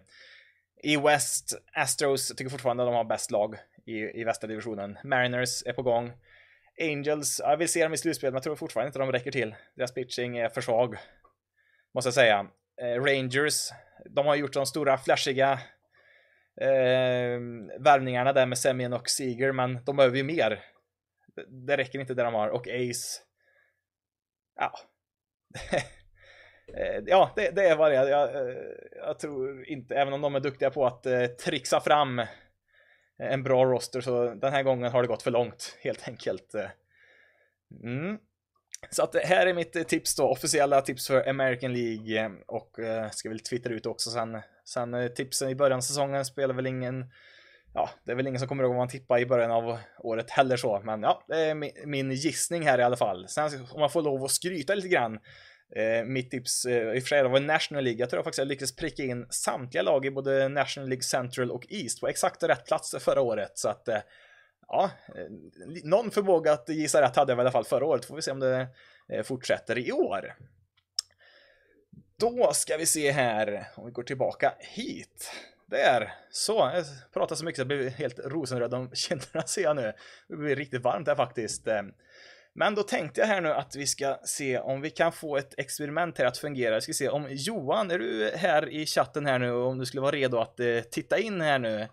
Så vi skulle testa på och se om vi kan eh, få in eh, eh ett par stycken utav er här i sändningen. Eh, med betoning på testa. Det, det är högst experimentellt. Eh, eh vi ska se för att göra det så måste jag göra så jag måste, stänga, måste tyvärr stänga av min kamera här nu för att det här ska fungera. Så att eh, eh, om du hör mig nu Johan så ja bra. Jag ska skicka en länk alldeles strax här nu. Så att ni får ha eh, lite tålamod här. Vi sätter upp den här medan jag eh, står och nej nu ska vi se. Så ska vi göra. Där. Nu ska vi se. Då ska vi göra nej då går vi tillbaka här igen och så ska vi det är ni. Nu försvann jag på riktigt den här gången. Så gör vi. Då ska vi se. Jag ska skicka en länk till det här Johan alldeles strax. Ska vi se om vi kan få det här att fungera. Ehm. Ska vi göra en så. Och så ska vi starta en. Så här ska vi se. Det här är riktigt bra poddande. Jonathan beskriver när han försöker leta fram rätt funktion i streamingprogrammet. Se. Så. Ska vi se då. Då skickar jag länken. Där ska vi se. Då ska vi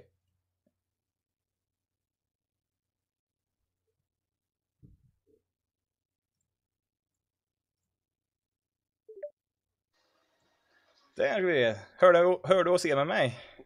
Ja, då. Kanon! Då ska vi bara se till att vi får in oss här i sändningen också ska vi se. Eh, det problemet då, ska vi se, ska vi lägga till en sån och så ska vi se. Fin tröjan är på. Ja, precis. en gång om året i alla fall. Ja, nej då. Ja. Ja. Ska vi se. Nej, det var fel det. Nej, också fel. Nu ska vi se då. Där, men titta där! Nu ska vi se då. Då ska vi få in oss här också. Vi får göra lite mindre tror jag, men eh, nu ska vi se, får vi ta hjälp av chatten här. Eh, kan ni se och höra oss här nu? Om Johan säger något lite snabbt där, om ni kan, om det fungerar. Testing, testing. Så får vi uppskatta vi får lite feedback här från, eh, från er i chatten här om det fungerar. För jag, jag hör Johan bra och han hör mig. Vi ser. Ja, jag stängde ner sändningen själv, så jag, Ja. ser, jag ser bara dig i vårt samtal. Ja, precis. Ja, jag kan inte heller uppe för då blir det rundgång och då... Ja, Ja, ja, men där har vi. Vi har Jean-Louis hör oss i alla fall. Ja, bra, härligt. Ja, vad bra. Men Ja, ja. Kanon. Hej allihopa, kul! Ja. Äntligen! Teknikens under. Ja, Ja, precis. men bra. Men det är ju faktiskt första gången vi pratar i alla fall. Vi har ju skrivit till varandra men aldrig pratat. Nej, precis. Det var väl på tiden. Ja, precis. Mm. Men Ja. om du lite kort beskriver, vem är Johan först och främst? Ja, vem fan är jag, höll jag på att säga. En passionerad baseballdåre som, eh, som oss andra. Jag höll på att säga, jag, jag tycker att jag har hyfsat bra koll, men när jag lyssnar på din genomgång så inser jag att jag inte har det. men eh, nej, men alltså vadå, jag brinner ju för sporten och MLB väldigt mycket. Alltså, ser mycket matcher, reser runt och ser matcher främst och Boston då, det är ju mitt lag uppenbarligen, men eh, har ju varit runt en del och ska även nu i kommande, kommande månaderna här till och med. Så att det, ja, nej, det är skönt att det drar igång. Det, har varit, det var en tuff tid, eh, den här lockouten. Det var inte roligt alltså. Men eh, nu känns det bra igen. Ja, härligt det. Och hur länge har du följt MLB? Eller baseball överlag så? Ja, alltså jag brukar säga att jag började väl mer allvarligt sedan 2009. Eh, och sen blev det väl mer och mer för de första åren där, men Eh, jag brukar ju säga det att jag har hållit på Boston sedan slutet av 2008 då. Eh, men eh, det var väl 2010 var väl första året jag hade MLB TV hela året då. Så ja, så sen dess då skulle jag säga. Mm. Och vad skulle du säga då som Red Sox-supporter? Hur känns, hur känns det inför säsongen? Det är ju en tuff division. Det- det är ju alltid en tuff division, eh, AL Beast som det kallas. Eh, det är det ju. Den har ju varit lite på gärdsgården för några år sedan här, men nu är den ju tillbaks lite. Eh, och det är kul och jag, jag håller ju med i din analys det här om att pitchingen känns svag. Sen så tippa mitt lag som fyra, det känns ju sådär. Jag har ju satt dem eh, i mitt tips på Playboll då, som jag har med Andreas så har jag satt dem som tvåa, men eh, det, jag, jag håller med det du säger där att de fyra första lagen att det kan bli lite hur som helst. Jag tror också att eh, Toronto vinner divisionen. Jag tror att det är dags för dem. Eh, och jag tror och hoppas att Boston kan ja, slå sig till segrar för eh, det blir tufft eh, pitchingmässigt. Jag, jag menar, Sale skada. Jag tyckte det är flera som tycker att de har en starting pitcher kort redan innan Chris Sale blev skadad, men ännu mer nu då. Eh, och det här att hoppas på att Paxton ska vara en jätteförstärkning när han kommer tillbaks i juli tror de väl känns ju lite väl optimistiskt, men jag skulle nog säga som är vad jag har hört och läst från eh, vissa att att trades och liknande och free agent, fortsatta free agent signings kommer nog fortsätta på ett annat sätt med tanke på lockouten som var. Så att jag blir inte jätteförvånad om det händer någonting ganska snart. Eh, eh, bara någon vecka eller så in på säsongen, vilket jag tror kan vara en stor skillnad mer inte bara för Boston utan för flera lag att det kommer hända mycket mer tidigare än att det ska dra ut i trade deadline. Mm. Ja, det blir intressant att se om något av de här lagen i EL East då, om det går lite trögt, om någon agerar snabbt. Ja. För det, man har väl inte råd att halka efter i en sån här division tidigt. Det, Nej, alltså det, det, det, är ju, det är ju fortfarande så att det är väldigt mycket, till skillnad från nästa år när schemat görs om, att det är väldigt mycket matcher mot eh, varann och så. Men Eh, det som kan hända också, varför det är som du säger också är så svårt att tippa, är väl kanske att det är svårt att säga att något lag ska springa iväg med det. Eh, så att, eh, att det kanske ja, hur många matcher ska krävas för att vinna divisionen? Alltså, jag tror knappast att 100 lär behövas igen, alltså kanske 95 någonting, 92, 95 och det kan bli betydligt jämnare att lagen slår varandra så.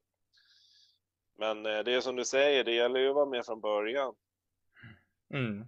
Har du någon annan spaning generellt så i övrigt i MLB som du tänker är extra intressant i år?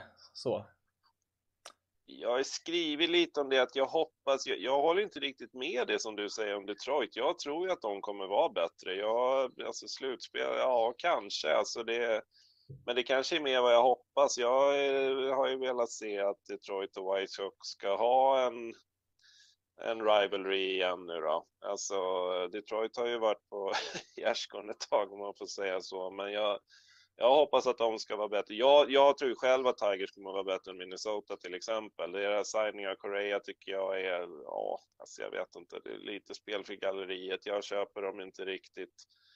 Men sen min stora grej om vi pratar American League är väl att jag tror och hoppas väldigt mycket att eh, Seattle vinner divisionen i år. Mm, ja, det är kul med lite nya lag som sticker upp också såklart. Eh. Ja. Och ja, så, så jag säger med Tigers, alltså det, alltså det finns ju en väg, absolut. Det är inte så att det är omöjligt att de har en bra säsong. Sen kan väl jag kanske personligen tycka att det kanske är lite för många saker, men jag skulle vara helt chockerad ja. om de var med och slog som en wildcard-plats. Nej, det skulle jag inte vara. Lite överraskad, ja, det skulle jag kanske vara, men inte chockerad. Ja. Sen absolut som du säger med Twins, det känns som att det, ja, det är lite ett luftslott. Det, de har väl ja, också lite den här grejen att de skulle kunna få de saker och ting att stämma och någon pitcher tar ett steg framåt, så visst, det skulle väl kunna gå ganska bra där också, men ja, jag, jag är väl, eh, har väl sett för mycket American League Central Baseball för att tro på den här divisionen. Det har ju varit en ganska taskig division överlag ganska länge. Det har oftast varit ett riktigt bra lag, ett hyfsat och resten är riktigt nere i botten. Så att det är väl kanske lite skadad av det också. Så. Jo, men det, det är ja. väl så ty tycker jag. Ale Central har väl varit lite av ett sorgebarn just att det har varit White Sox och inte så mycket mer och det är synd. Men jag, jag gillar Tigers i alla fall jag gillar ju Tigers, alltså kanske lite mer långsiktiga satsningar om man jämför med Texas Rangers till exempel då, som i och för sig tar in två toppspelare, men hur mycket mer än så har de? Så att eh, för min del så, ja, det ska bli spännande att se Detroit, det tycker jag. Mm, ja, absolut, de är sevärda. Det var de faktiskt redan förra året. Ja, de hade väl en riktigt dålig april där, sen var de faktiskt över 500 resten av säsongen där, så att de var bättre än många trodde förra året, där, förra året faktiskt. Så att de var klart sevärda redan förra året och kommer absolut vara mycket mer sevärda i år. Absolut, mm. det kommer de vara. Så att det har väl framförallt jag lite extra glädje av, absolut. För det, tyvärr, när de var som allra sämst, då, då fick man välja bort helt enkelt. Ja, det, det, det var inget att se på, det var en en tragedi. Nej men, alltså. nej, men många mm. pratar ju med liksom, ja men du håller på mm. Boston, de är alltid bra. Bara så, mm. ja, jo, fast nej, jag vet inte om ni 2014 och 2015 och mm. eh, kollapsen 2011 var inte så roligt för oss heller. Så att det, man har sett sina eh, förlorade säsonger och torskar själv också. Va? Men det är klart att eh, det är ett förväntat storlag som ska prestera, så att det är klart att det är skillnad. Men Sen så, jag, jag håller ju med också att nu blev det väl inget sånt i nya avtalet, men att ha ett eh, minimilönetak hade ju varit jättebra. Eller eh, vad blir det, lönegolv blir det väl, att säga. Ja, alltså det, det, hade ju varit eh, kanon, tycker jag, för att eh, vissa lag skämmer ju nästan ut sporten. Eh, eller vissa ägare borde sälja sina lag. Mm. Ja, det var väl det att för att få ett golv så krävde ju väl ägarna ett tak också. Det kommer ju spelarna troligtvis aldrig gå med på. Så att, eh, nej, tyvärr, tyvärr är de ju lite låsta där. Mm. Men jag tycker väl även att en del ägare, framförallt de lite rikare, borde väl ändå... Alltså de subventionerar ju i princip de ja, fattiga, inom situationstecken, mm. ägarna lite grann. Jag tycker att de också borde kunna driva på lite att någon, ja, någon skamgräns borde ju kunna finnas, tycker den. Ja, det tycker jag. Sen så, sen så kan inte alla, behöver inte alla vara som Steve Cohen och gå liksom totally nuts, men eh, det vore ju roligt om det hände lite. Ja, jo precis. Och sen mm. eftersom du frågar om spaning så jag håller också med mycket om det här med unga spelare som, som kommer upp. Det ska bli kul att se Bobby, Bobby Witt Jr i Kansas och vad Rodriguez ska göra i Mariners och så här. Så att det, det var ju det som flera som jag hörde och läste om att just att läget när lockouten kom när vi har så mycket unga spännande spelare är att man dödar, eller dödar gör man ju inte, vi sitter ju här och är jätteglada idag, men att man förstör intresset mycket genom att att när, när basebollen hade en liten hås på gång så, så eh, drog man ner igen. Och det är väl därför man hoppas att de här unga spelarna och även att Otani ska ha ett, ett liknande år igen så att de här stjärnorna får fortsätta och ja, stars keep on shining typ. Och att Tatis får komma tillbaka och vara frisk snart till exempel. För det är det som sporten behöver tycker jag.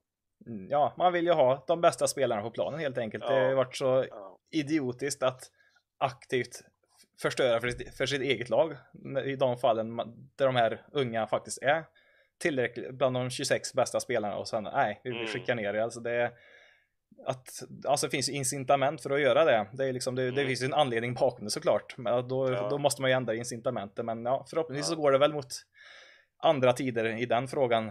Får vi hoppas i alla fall.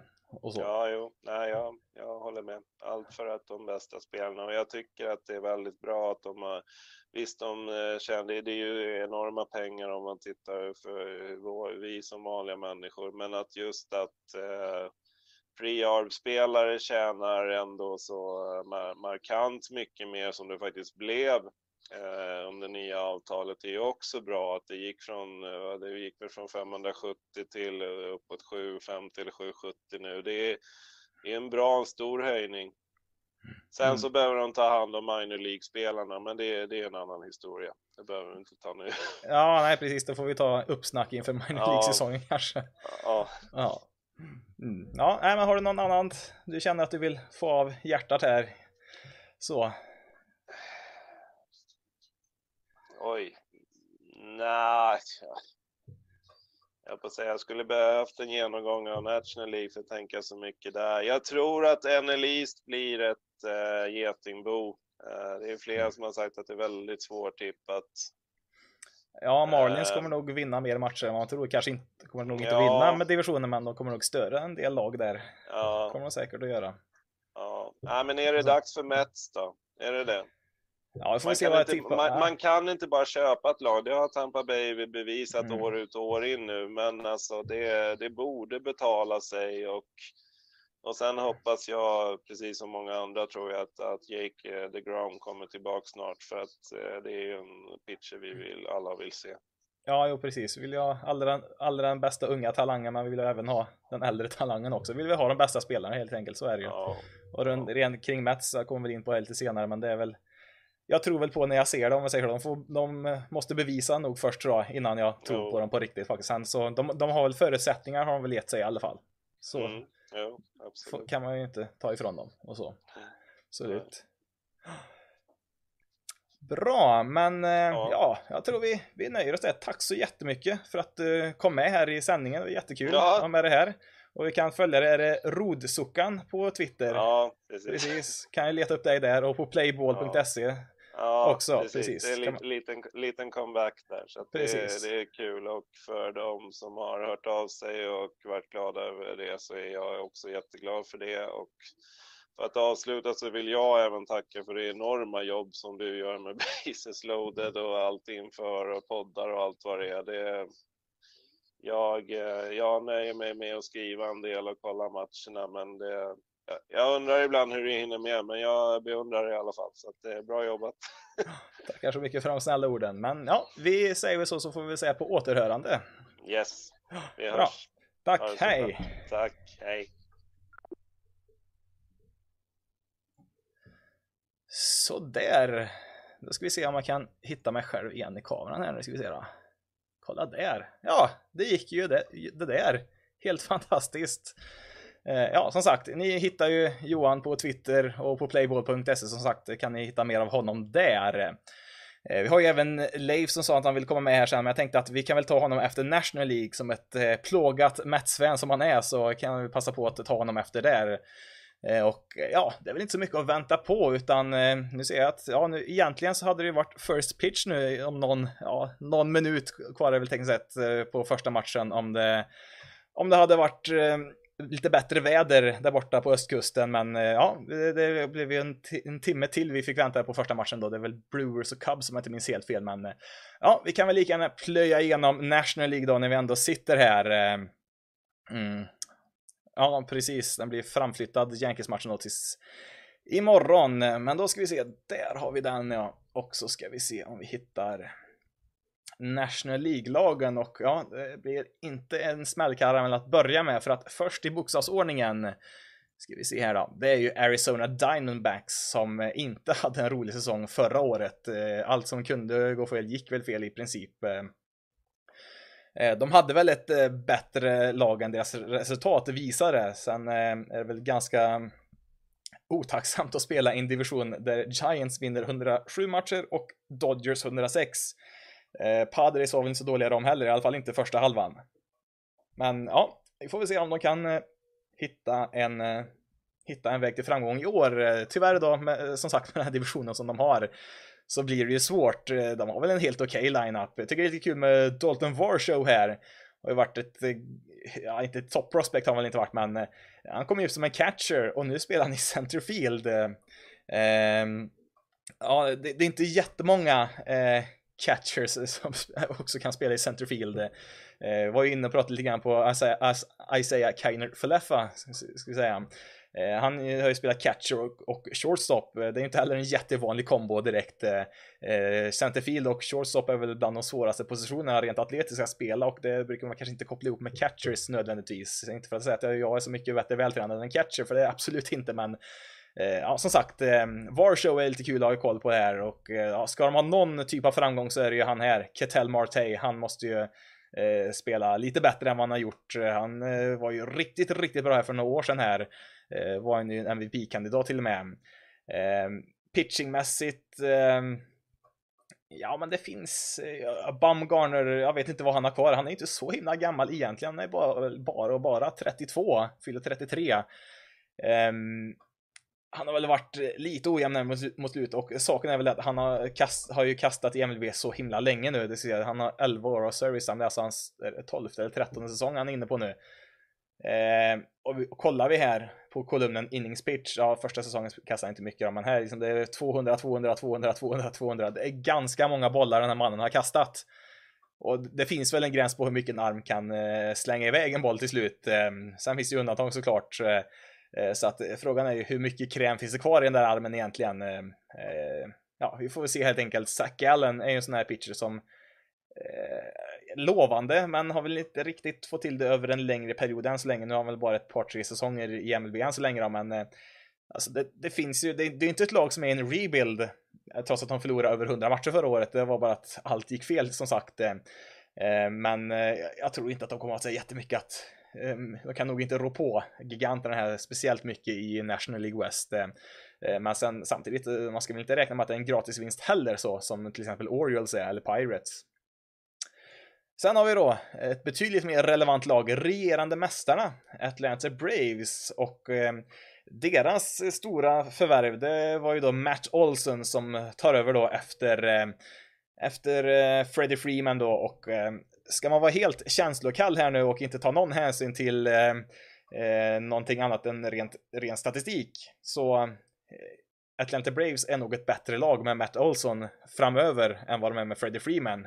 Freeman är ju tror han, han och jag är nästan exakt lika gamla om inte jag minns helt fel. Då. Jag blir ju 33 år ja, och eh, Matt Olson, han är 28 han. Eh, så att eh, bara rent åldersmässigt är ju Matt Olson en vinst och kollar man på statistiken så visst Freeman kanske är något, har varit något bättre men det är inte med mycket. Det är det inte. Eh, och kollar vi då som sagt framöver här så har väl Olson eh, kanske bättre förutsättningar att eh, prestera på den här riktigt höga nivån än vad Freddie Freeman har när han eh, liksom tickar upp där mot 35-36 där mot slutet av hans kontrakt. Eh. Så att eh, om man då som sagt inte tar någon hänsyn till eh, någon känsla alls här när det gäller just Braves och deras ja men deras kanske favoritspelare ja, tillsammans med Acuna då. Så eh, ja, jag tror Braves är ett bättre lag med Matt Olson på första bas. Det tror jag. Sen eh, kan det vara lite svårt första året, framförallt när man kommer till ett nytt lag så här kan det vara lite tufft, men eh, Olson är väl faktiskt, han är från Atlanta-området om inte jag minns fel, så att det kanske går snabbare än vanligt då för att bli van att eh, komma in i staden så att säga. Men eh, överlag, det ser väl ganska bra ut här. Det är väl lite tunna Alltså, Alex Dickerson ser jag, jag vet jag såg honom skriva på här, men att han ska vara så pass högt upp. Mm, ja, alltså. Visst, Acuna är ju skadad här, han står ju inte med här. Han eh, har ju sin knäskada som gjorde att han missade större delen av förra säsongen. Han kommer väl tillbaka lite senare här i sommar. Eh, så att eh, det är ju klart, helt klart en förstärkning där. Men eh, Ja, vi får se. Sen samtidigt, jag tror Dansby Swanson har ju varit väldigt mycket snack om han, är han en bra shortstop eller inte? Jo, det är han ju, men han har ju inte imponerat jättemycket. Den korta säsongen där 2020 spelade han, hade han ju faktiskt sin bästa säsong. Ja, nu var det ju som sagt då eh, eh, väldigt få matcher. Eh, men eh, ja, alltså han är ju en, han är en duktig, han är en duktig shortstop defensivt. Kanske inte den bästa, men duktig i alla fall och kan slå rätt hyggligt för en shortstop. Vi ser VRC plus här eh, använder jag väldigt ofta. Har man en VRC plus som är 100, då har man exakt genomsnittlig då, offensivt eh, i MLB då. Han har 98, så att eh, han är tekniskt sett då, förra året var han 2% sämre än en genomsnittlig slagman i MLB. Så att i princip kan man säga att han är i, eh, genomsnittet då i MLB och det det är helt okej okay som ett shortstop. Det är en position som förutom vissa, ja det finns ju en del stjärnor på positionen men kollar man på den undre halvan så är det ganska klent offensivt. Det är en, historiskt sett en eh, position som inte har slagit speciellt bra. Och eh, det sägs ju att eh, eh, Correas agent, jag tror han gick över till Scott Boras, den mest kända agenten, eh, bytte han ju till strax innan han skrev på. Eh, det sägs ju att han eh, pratade med Atlanta Braves in, eh, när han, innan Correa skrev på med Twins och eh, han hintar väl kanske då enligt rykten att det kan ju vara så att Correa är free agent nästa år när även Dansby Swanson är free agent. Det kan man för övrigt också se en väldigt användbar grej man kan se här, ska vi se.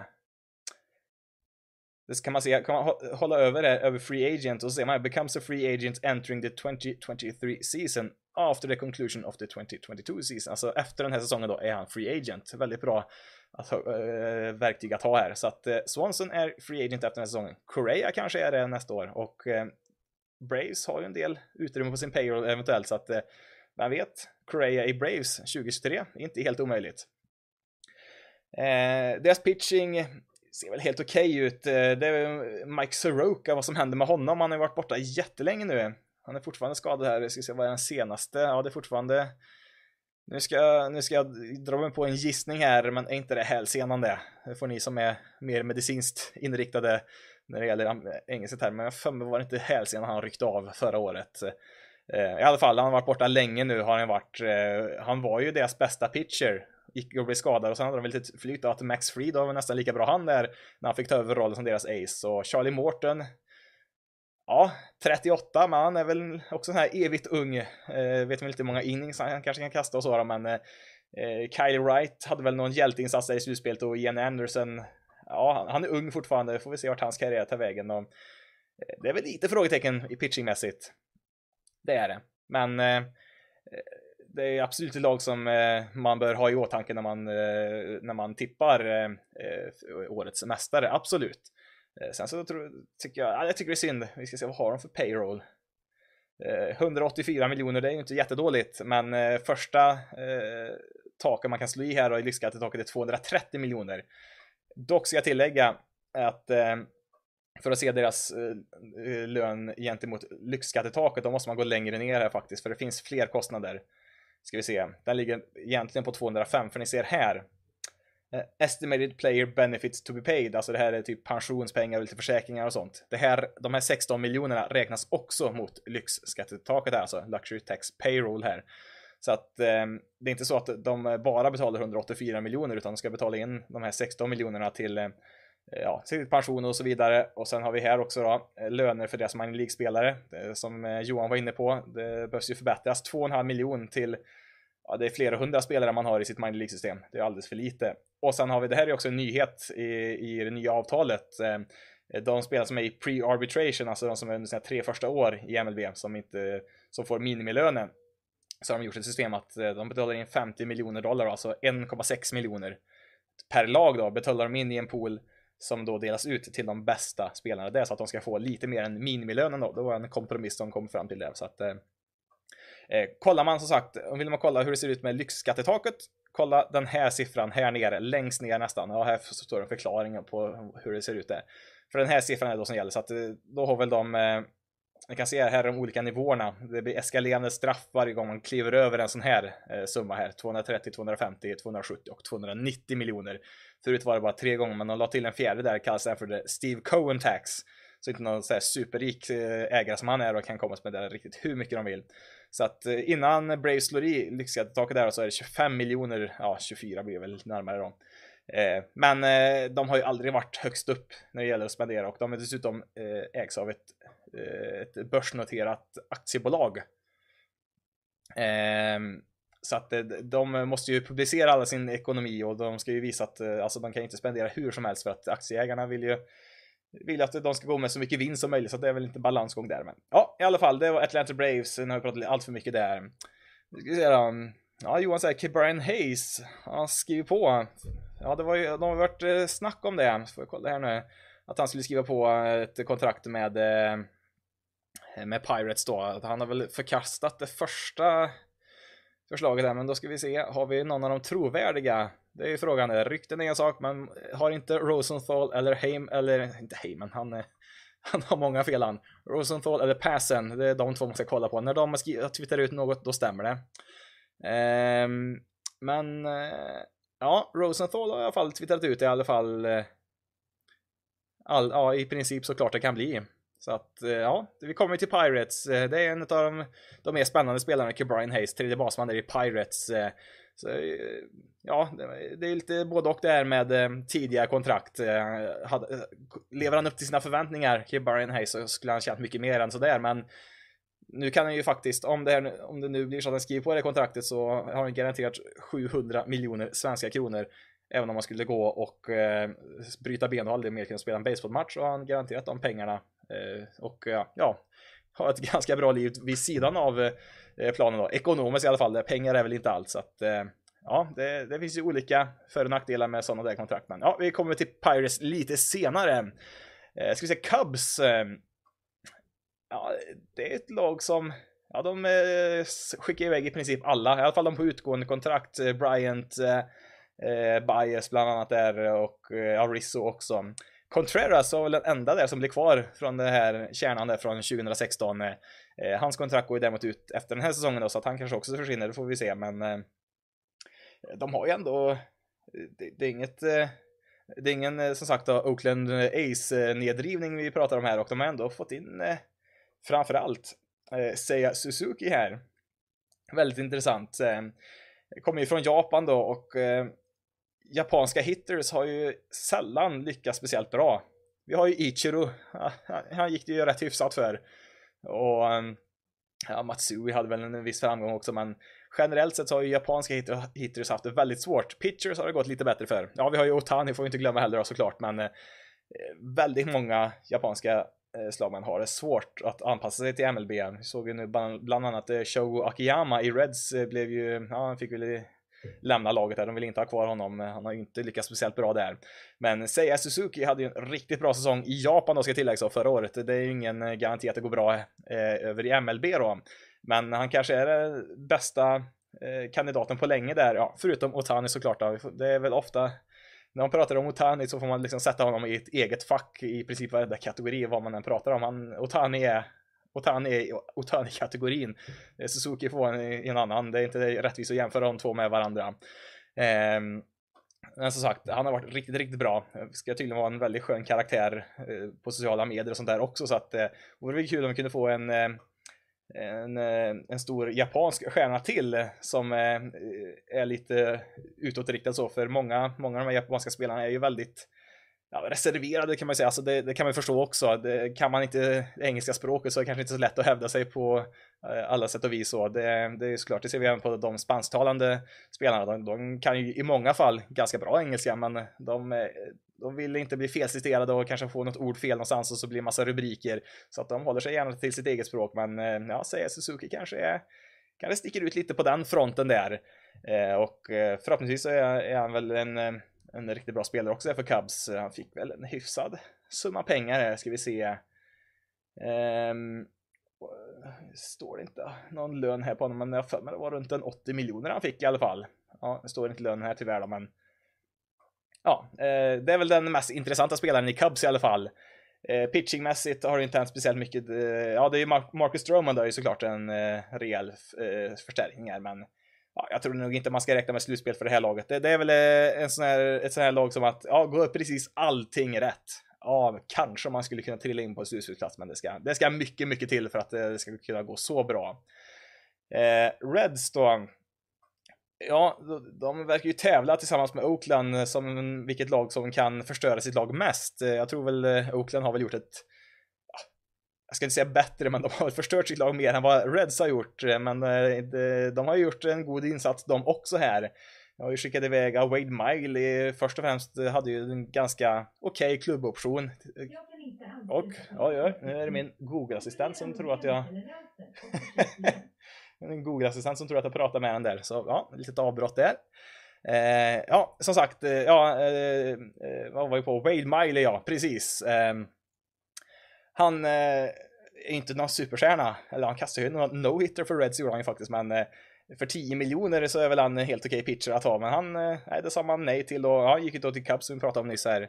Eh, och ja, Eugenio Suarez skickar man ju iväg till eh, Mariners. Det eh, var väl i princip en lönedump där. Eh, vem var det mer man skickade dit? Nu tappar jag namnet. Vem mer skickar man till, till Mariners? Oh, tappade jag namnet helt och hållet där, men ja, i alla fall. De har ju tappat flera tunga namn. De har ju många bra spelare kvar. Jonathan India, rookie, förra årets rookie. Riktigt bra. Joey Votto har hittat lite nytt liv. Han har kommit på att han eh, kanske får slå lite för styrka istället. Som, ja, han är ju 38. Och eh, han fick väl kanske lära sig av Nelson Cruz. Kan man inte eh, springa... Ja, precis. Jesse Winker var det ja. En riktigt bra spelare. Både Winker och Castellanos såg ju riktigt eh, tunga, två riktigt tunga pjäser i deras lineup här. Som har tappat båda två. Men Winker då skickar man ju då iväg till Mariners i princip i en lönndump för att bli av med Suarez som visserligen har underpresterat, men eh, det känns ju inte riktigt okej okay ändå. Men Votto som sagt då, eh, han börjar slås för lite styrka igen. Eller igen, han har väl inte direkt gjort det i, i karriären så. Eh, oj, nu ska vi se. Där ska vi se, nu försvann han här. Vi kollar på hans statistik här. Eh, det är ju en, ja, det är en MVP-karriär han har i princip. Vi ser här, om vi kollar på VRC+, det var först, först 2019 som det började hända grejer, att saker och ting kanske inte riktigt var som det skulle här. 98 i VRC+, alltså genomsnittligt kollar på de siffrorna här. 178, det är 78% bättre än eh, genomsnittet i MLB offensivt. Det, är alltså, det här är Mike Trout-siffror. 174 där, 158, 163. Så det är lite bättre den korta säsongen, men nu är han uppe här igen. 140 VRC plus, alltså 40% bättre än snittet. Det är en riktigt, riktigt bra siffra och då kan vi se här på styrka. ISO, ska vi se, se här, oh, ISO han har stått ganska bra här. Eh, nu har jag inte den exakta uträkningen här på hur man räknar här, men snittet här i MLB ligger väl någonstans här 100, någonstans mellan 150 och 200 här ska man ligga. Det gäller genomsnittlig styrka i slaget, för det är det ISO mäter i stora drag. Det är inte en exakt förklaring på det, men ser ni här 297. Nu pratar vi Vladimir Guerrero Junior styrka här eh, när han slår. Ni ser det, 36 homeruns jämfört med 15 2019, så att han kanske inte kan eh, slå som han en gång gjorde, men han kan säkert mata iväg en massa homeruns. Han är ju extremt duktig på att läsa eh, strikezonen. För det ser vi, han har ju i regel haft en on-base percentage över 400. Ja, 390 där något år. Sen har det gått, sen helt plötsligt där hade han dåliga säsongen 357, vilket är en bra siffra. Snittet är 320 i on-base eh, för hela ligan då. Så 350, 360 är ganska bra. Han är lite bättre förra året där, men kan man bomba iväg massa homeruns, ja men då får vi kompensera med det istället då. Så att eh, Eh, det är nog mycket möjligt att eh, Votto fortfarande kan vara en användbar spelare. Även om han kanske inte kommer vinna någon mer MVP-titel. Här har vi en spelare är intresserad av att ta koll på. Tyler Stevenson. Han har spelat lite grann nu och gjort det ganska bra så här långt. Catcher. De ju bort Tucker Barnhart till, till Tigers, gjorde de ju, och det var väl mycket för att Stevenson var på gång här. Har ju varit ett prospect för dem och har ju inlett bra här, men det är en spelare som jag tror har ytterligare en växel att lägga i här.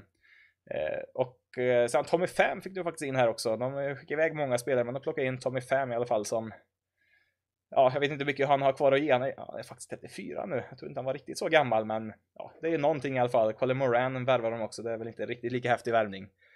Eh, pitchingmässigt, eh, ja, eh, där har de skickat iväg Sonny Gray, Wade Miley. De har ju kvar Castillo, han är väl skadad här, ska vi se.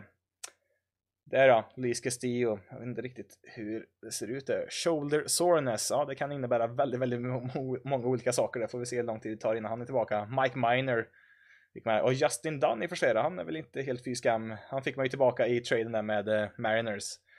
Så att pitchingmässigt, ja alltså. Det är inte så här lag som har totalt drivit ner som Ace har gjort, alltså som inte har någonting. Hunter Green, intressant att följa. Han har klockats eh, 104 miles per hour har han kastat i minor leagues för något år sedan. Och det är liksom eh, det hårdaste kastet någonsin i MLB är 104. Det är Chapman och eh, Jordan Hicks där i Cardinals har båda gjort det. Men de är relievers. Hunter Green, en starting pitcher som har kastat 104. Eh, nu börjar vi prata DeGrom-takter där, sen vet jag inte om vi kan räkna med att eh, han kommer kasta det nu i MLB då. Eh, DeGrom kan väl kasta upp under 102 ibland. Eh, så det är någonting att ha lite utkik på där. Och så, men ja, det är synd. Alltså hade, hade Reds behållit Alltså Castellanos, han blir free agent, okej, okay, han försvinner. Det, det, kanske man inte kan göra så mycket åt, men de hade ju spelare som de har gjort sig av med. Hade de varit kvar här så hade ju faktiskt Reds fortfarande varit lite intressant där, men äh, tyvärr kastade de iväg den chansen. Eh, nu ska vi se då, nu måste vi nog skynda på igen här. Det var som i American League, det gick väldigt segt i början men eh, gick lite snabbare på slutet. Får se om vi kan speeda upp det här. Jag tror det är 20 över 8 tror jag är första matchen eh, för first pitch, men jag tror vi ska kunna bli klara lite före det. Eh, optimistisk här. Jag ska väl få med Leif här sen också som eh, vill prata om sitt Mets här också, men nu är Colorado Rockies ehm, eh, ja, vad håller de på med egentligen?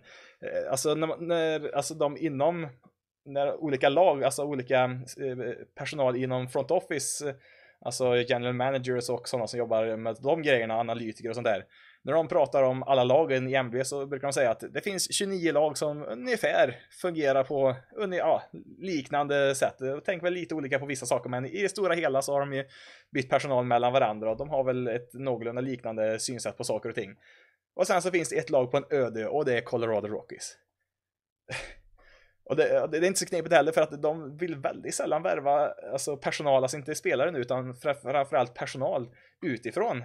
Alltså deras förra general manager eh, Jeff Bridage, han jobbat, hade jobbat massa år i laget, hade ingen erfarenhet direkt så utav att vara general manager men ja, ägaren tyckte väl om, om honom och så fick han bli det och så försvann han nu i somras och då ersatte de honom med sin eh, jag vet inte om han var deras nuvarande GM, om han var typ ansvarig för deras scoutverksamhet eller sånt där. Också ett, eh, en intern eh, lösning, alltså. Eh, ja, de, de anställde ju en ny eh, chef för deras analytics team, alltså de som sitter där i databasen och gräver i siffror och eh, letar reda på hur man kan göra spelarna bättre så om de eh, kastar en sån här pitch i såna här lägen eller vad det nu kan vara anställde en helt ny sån person och skulle bygga upp en helt ny sån division där så att de skulle komma ikapp de andra lagen. Eh, gjorde de i höstas och mindre än sex månader senare så hade han fått sparken. Ja, det känns så typiskt Rockies på något sätt när de för en gång skulle plocka in någon utifrån så får han inte vara kvar in till eh, säsongen ens börjar. Mm. Ja, det är Rocky som sagt och eh, ja, lika förvånade blev när de skrev på med Chris Bryant. Det var väl nästan som man trodde att nej men det här måste vara Chris Bryants eh, agent som lägger ut de här ryktena för att eh, få andra lag att lägga bud på honom här, att pressa upp priserna när de här ryktena kommer. Nej, skriv på ett eh, kontrakt med Rockys, säger han. Ehm, ja, eh, ja grat grattis Rockies, det är en mycket bra spelare. Jag vet inte riktigt vad ni ska ha honom till, men ja, det, det är väl trevligt för, för publiken där att ha någon stjärnspelare att titta på och alltså, titta på deras roster. De har ju en del ganska bra spelare kanske inga superstjärnor. Brennan Rodgers får vi se. Han var ju ett väldigt lovande prospect som inte riktigt har fått till den. Får vi se. Randall Gritchick tradar man ju till sig. Har väl haft blandad framgång, men eh, ja, jag vet inte riktigt. Vad håller de på? Jag vet inte om de själva ens vet vad de håller på med. Eh, eh, deras starting rotation har ju också alltså Freeland, Marquez, Sensatella, Gomber och Chad Cool. Det, ja, jag vet inte, Chad Cool, vad har han gjort i sin karriär? Kan inte vara så himla bra. Ja, 4,5 ERA i sin karriär på ja, hur många han startar? 84 starter, ja, men det är ändå det är inte, det är inte en dum 50 pitcher alltså, men eh, då är det saken att han kastar på course Field där det är omöjligt att kasta eh, ja, nästan i alla fall. De har, väl både Freeland och Marquez har haft riktigt bra säsonger något år där, här och där, men det är väldigt svårt att konsekvent prestera som pitcher där uppe och ja, Eh, ja, Rockies, de, de, gör sin grej och rätt vad det är så har de någon hyfsad säsong någon gång. De har ju på något sätt lyckats ta sig till en World Series. Det gick inte så jättebra väl där, men de tog sig dit en gång, var det 2008 i och för sig, men frågan är, kommer kommer Chris Bryant att spela en, en enda slutspelsmatch med Rockies? Alltså kommer Rockies vara i slutspelet en enda gång på, var det sju år han skrev på? Ja, precis, sju år. Ja, det, det, det, är en bra fråga. Alltså, det har ju till viss del också att göra med att eh, de har Dodgers och Giants som är hur bra som helst. De är inte så lätta att passera såklart, men det, det, det, en, det skulle, vara, skulle vara intressant att se vad oddsen är på om Chris Bryant spelar en enda slutspelsmatch, slutspelsmatch med Rockies på de här sju åren. Ja, det skulle jag vilja se. Eh, och det blir ännu mer bisarrt när man, det var inte, det var liksom, man hade ju Nolan Arenado, en av de bästa, kanske till och med den bästa på positionen, tredje bas. Ja, nu står han på left, left field här då, men Bryant har väl mest spelat på tredje bas i sin karriär. Och gör sig ovän med honom och skickar iväg honom och då tänker jag, men vi tar ju Chris Bryant istället då. Nej, nej, Rockies. ja, jag vet inte vad man ska säga.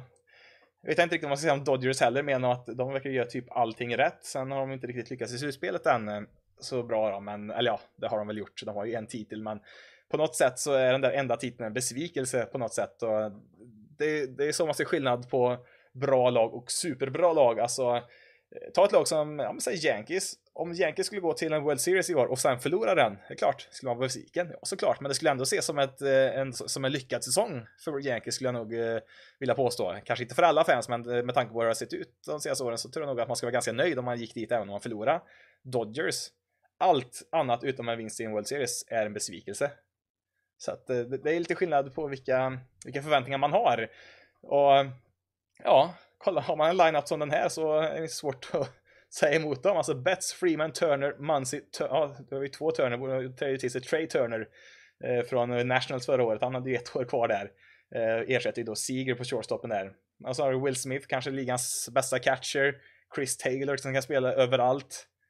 Cody Bellinger, tidigare, före för detta MVP, står åtta. Så han visst, han har ju inte varit bra på sistone, det har han inte. Och Gavin Lux, deras sista hitter. Jag tror Gavin Lux, han skulle, skulle säkert vara nummer tre i många lag inte många lag, men några lag i alla fall. Eh, ja. Det, sen då, kanske inte bänken kanske inte är riktigt lika bred som den en gång var, men eh, när en starting lineup ser ut så här, ja då spelar det inte så himla stor roll. Eh, pitchingmässigt där finns det väl lite frågetecken eh, på bredden i alla fall. Kershaw har ju, ja, det blir mer och mer skador på honom. Bueller, han är ju ett ace när han är frisk. Urias, ja, han skulle kunna vara det också. Sen har vi eh, 4-5. Lite klent, eller Gonsolin. Han har inte kommit långt i karriären men eh, eh har ju inte riktigt fått något genombrott än riktigt kan vi inte direkt påstå. Andrew Heaney, vad hade han för ERA förra året? Ja, ja nästan 6 jag kommer ihåg, han var ju i Yankees, var inte det förra året det? Jo, han var i Yankees och kastade en ERA på 7 ja. ja, sen visst, Dodgers har väl utövat mirakel förut så att det är kanske möjligt att uh, kasta 25 starter och en ERA på 3,5. Det vet man ju aldrig med Dodgers men det är, det är ändå någonting att ha lite, lite utkik på. Sen har de ju eh, David Price. Ska han vara en reliever eller inte? Ja, vi får se. Tyler Anderson har väl också startat en hel del. Vet inte om han ska vara deras eh, en reliever där heller. Sen har vi Dustin May, men han är inte Tommy John på han. Jo, precis. Men det är Fred var i maj, så han kan ju komma tillbaka senare i år. Men han har väl inte heller riktigt fått till det över en längre period. Eh, sen är det väl det att de har väl, kan man också kolla här uppe ska vi se. Jag har inte kollat på än. Här kan man se. Eh, deras bästa prospects. Och då kan man ju se här Eh, när de förväntas komma upp här lite grann och eh, Dodgers har ju ett av lag, ligans bästa lag och de har en av ligans bästa farmsystem. Eh, ja, de har inte den här riktiga topptalangen här. Future value står det här. Det är ett sätt att ranka prospects på, Fangraphs då och 20 är det sämsta, 80 är det bästa, så 50 är väl ganska bra. Jag tror 45 är väl genomsnittligt, så att de har inte de här topp rankingarna här har de inte. Alltså sån som Wonder Franco, han var en 80 här när han var, när han var rookie, för han är väl en av de bästa prospects som man har sett på många, många, många år. Eh, Vladimir Guerrero Jr var la väl runt ja, 70-75 och hade väl också 80 enligt vissa. Så kan man kolla här, nu vet jag inte, Michael Bush, vad är han för något? Han var andra basman, det behöver de inte. Men i alla fall, här kan man i alla fall kolla vad de har på gång och det är säkert någon av dem är som en duktig pitcher här. Och ja, de har väl obegränsat med pengar så att de kan säkert trada till sig någon om de behöver också. Så att eh, det ser väl lika bra ut som alltid och eh, kommer säkert vara med där långt fram i år igen. Marlins då, ja de har väl ett hyfsat lag. Ehm, tyvärr då så för deras del så har de en ganska bra division att spela i. Phillies, eh, eh Mets och Braves eh, blir ju svårt att ta sig förbi. Eh, det var väl lite kontrovers där, Derek Jeter som har styrt det här laget eh, med den nya ägargruppen, han lämnar ju. Och det var väl eh, lite rykten om att det var på grund av att de inte fick de pengarna de ville ha där. Ska vi så där också får vi lite bättre så.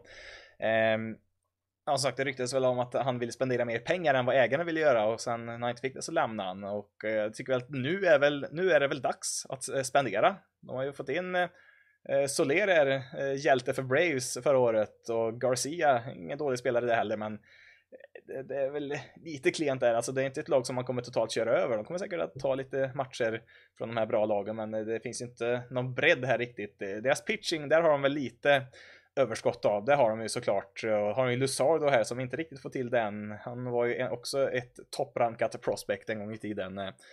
Har inte riktigt fått till den och varit lite skador. Var det inte han som, som bröt handen när han slog eh, TFCs-kontrollen i bordet eller något sånt där? Jag för mig det var han som gjorde den här riktigt dum skada.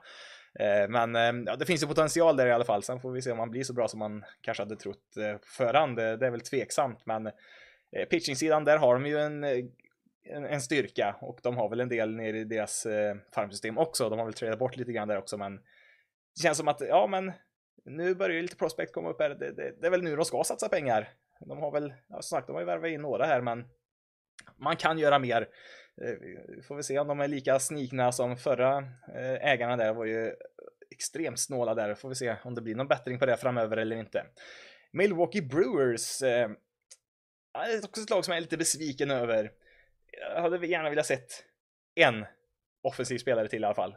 På, med lite högre kvalitet. De har ju värvat in Andrew McCutcheon Eh, jag vet inte, vad har han gjort på sistone här nu?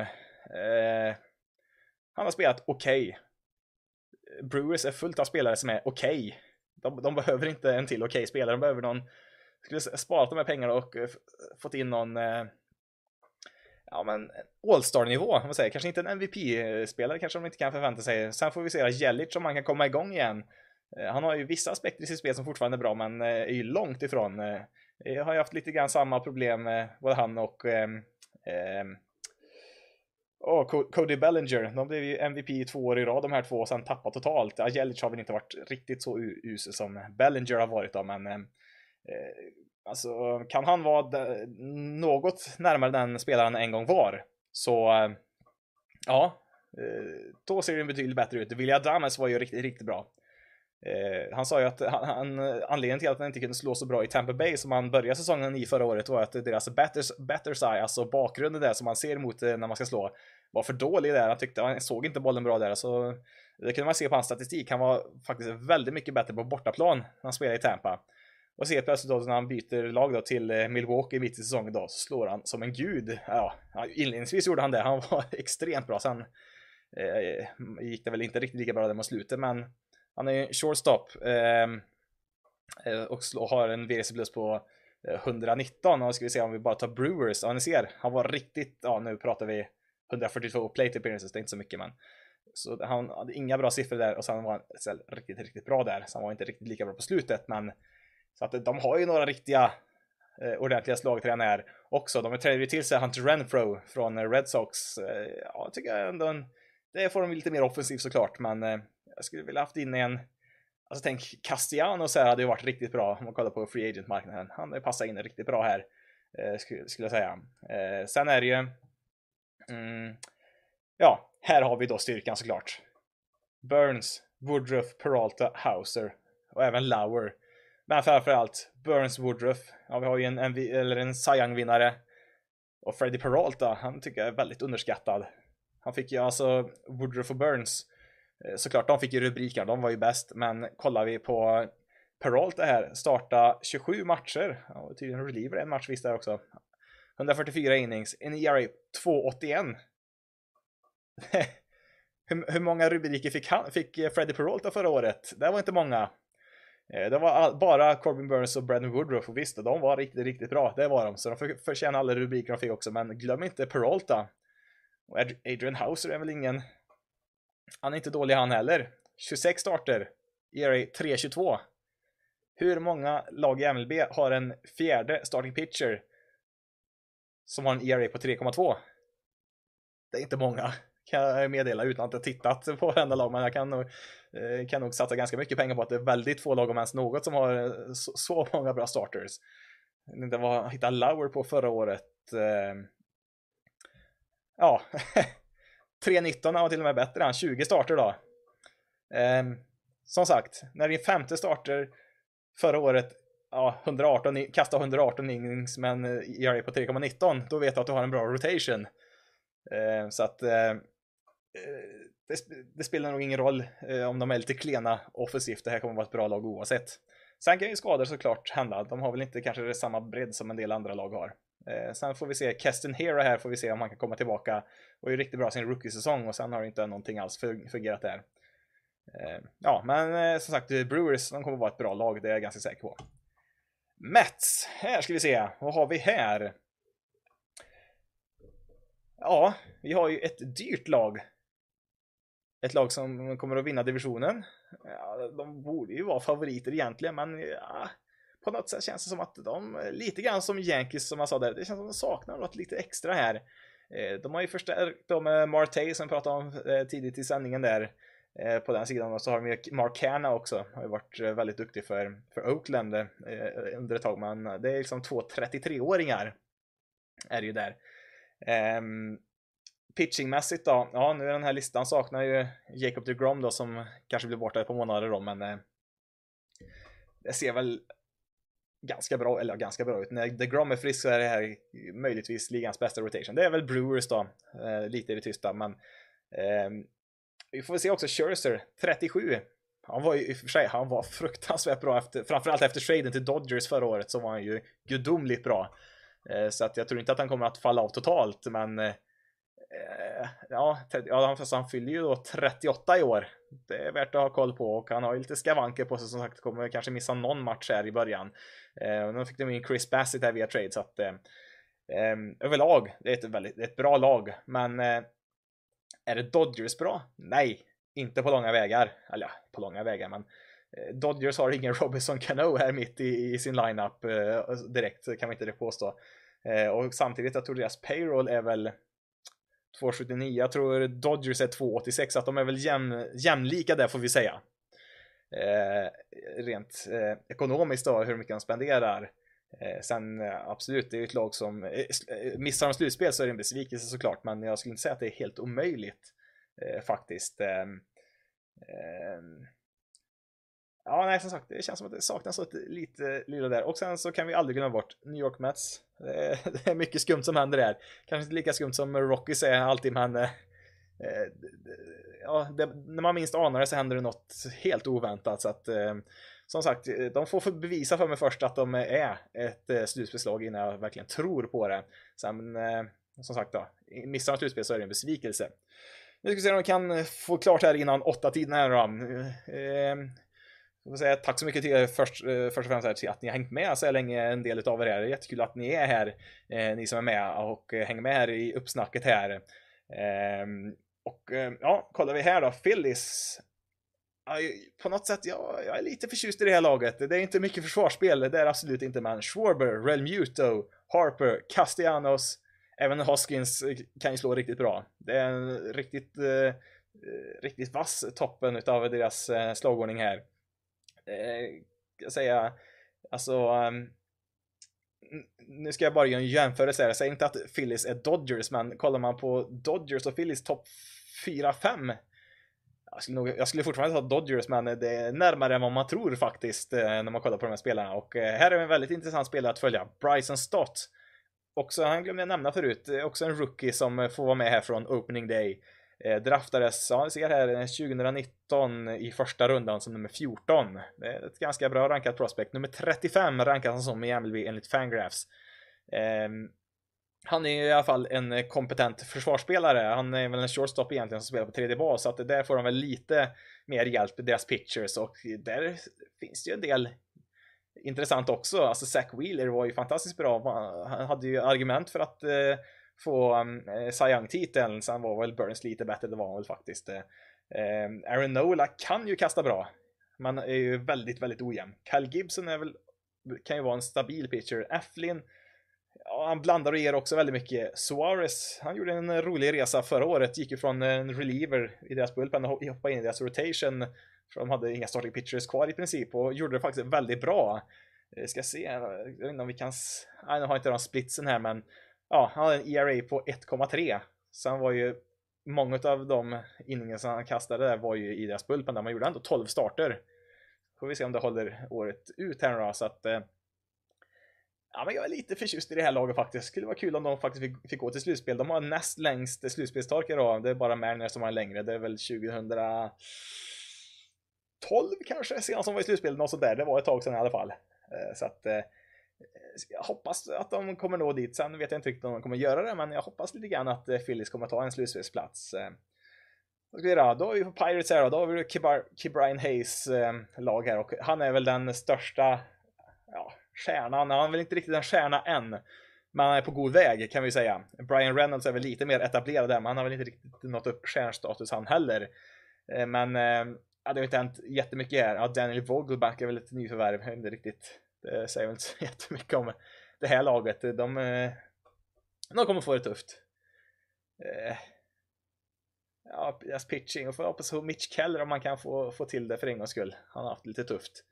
Det var ett väldigt högt rankat prospect en gång i tiden, men nej, vad ska man säga? Jag menar, har de något på skadelistorna här? Nej, inte direkt. Så att eh, nej, det blir tufft för, eh, för Pirates i år. Eh, kommer nog förmodligen att ta sista platsen där. Jag tror väl att Reds har väl lite bättre lag i alla fall. De har en del profiler kvar, även om Reds sålde av mycket där. Eh, Padres, här har det väl hänt en del. Eh, ja, framförallt saknar de ju just nu Fernando Tatis Jr som var ute och körde, var en, ja, någon form av motorcykel, jag vet inte om det var cross eller vad han körde. Han har ju ramlat av den och fick någon fraktur och kommer borta ett tag. Eh, ser inte så bra ut när man skriver på det monsterkontraktet som han gjorde och sen åker på en skada så tidigt för en sån skitgrej liksom. Men men, eh, man får väl göra det bästa av situationen och det är ett bra lag här. Men eh, kan man rå på Dodgers? Nja, jag tror faktiskt Giants är bättre också. Eh, skulle jag säga. Vi har fått in Luke Voigt, fick man in via trade. Det är ett bra slagträd där såklart. Men ja, vi får se. CJ Abrams är också en här potentiell rookie som kan få plats eh, redan från opening day. Jag har inte sett något officiellt om honom än. Ska se om det står några nyheter på honom. Uh, ingen officiell bekräftelse på den, men han är ju en naturlig ersättare i så fall då till eh, Tatis. Uh, så länge då, men han är ju som sagt helt oprövad. Sen är ju han rankad, se här, deras bästa prospect förra året. Inte rankad i år tydligen då, men, eller de har kanske inte har satt ut siffran än, men han är rankad som nummer 15 i hela MLB. Det, är då, då har man ganska höga förväntningar på sig. Så att eh, det kan ju bli bra också. Eh, men eh, ja, det är inte riktigt utan Tatis, det känns som att han kanske är en pusselbit som saknas här och kanske skulle haft något mer där. Alltså Profar och Hosmer är ju kompetenta eh, MLB-spelare. Men kanske inte eh, i ett lag som förväntar sig så, så mycket som Padres gör. Myers kan ju vara lite ojämn också pitchingmässigt, deras rotation gick ju i sönder förra året. De var ju helt desperata och hade ju Jake Arrieta som jag nämnde in och kastade några matcher. Det var ju total katastrof. Och hela laget var ju total katastrof förra året. De rasade ihop efter att ha liksom hade ganska säkert grepp om en slutspelsplats. Och de följer samma totalt. Och nu har de ju värvat in eh, eh, bland annat Nick Martinez, kommer från Japan. Jag har kastat det ett tag. Sean Menaya tradade man nyligen till sig. Vi har ju här deras bullpen, Dinelson Lamet. är ju en tidigare starting pitcher. Nu pratar på att han kanske ska göra någonting closer istället. Eh, och vi har ju Clevenger. Eh, han var ju borta, han var borta hela förra året där. Eh, eh har ju någon kn var det knäskada nu va? Ja precis. Öm i knät. Ska ju komma tillbaka. Så att eh, det ser väl bättre ut på pitchingfronten och eh, det som jag är mest intresserad av, då får vi bläddra långt ner här på prospectlistorna. Ska vi se, vart har vi starting pitchers? Eh, ska vi se. Här hade de gjort lite annorlunda. Nu ska vi se. Nu hade de gjort... Här hade de inte efter positioner. Ja, ja, men det spelar väl ingen större roll för han borde väl stå med. Vart har de lagt gömt honom nu då? Ja, han står med där. Där har vi honom. Mackenzie Gore. Inte länge sedan så var han rankad som MLBs absolut bästa pitching prospect. Utav i princip alla. Han kanske inte var nummer ett totalt, men det var alla pitchers som var nummer ett. Sen hände det något med honom här. Det var bland annat under 2020 där som de kallade upp pitcher efter pitcher från eh, deras eh, farmsystem före, före Gore. För det var någonting som inte riktigt stämde med tekniken där, men det verkar nu i springtraining som man kanske har fått till det nu igen. Och ja, är han tillbaka på banan igen? Det här alltså, vi pratar en spelare som pratar och sånt som eh, ett framtida ace, alltså eh, Cy Young eh, aspirationer innan han ens kastat en enda inning i MLB. Jag vet inte riktigt om han är tillbaka riktigt eh, och blir så hypad än så länge, men en spelare att ha koll på definitivt när han kommer upp, för det är väl nästan garanterat att han kommer upp här om inte han blir skadad under året. Men Padres, ja, alltså det är klart som ett bra lag, men de, de har ju en tuff division och inte minst då på tack vare nästa lag är San Francisco Giants. Som vann 107 matcher förra året. Det vet jag inte ens om de själva trodde på innan säsongen började.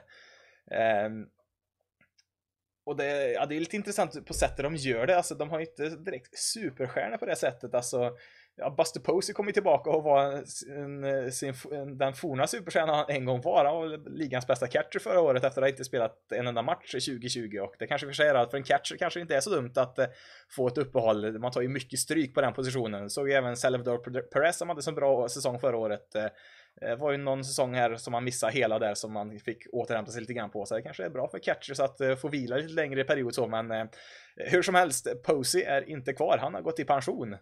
Efter att ha varit en, ja som sagt, ja, var nog kanske ligas bästa catcher förra året och pensionerade sig.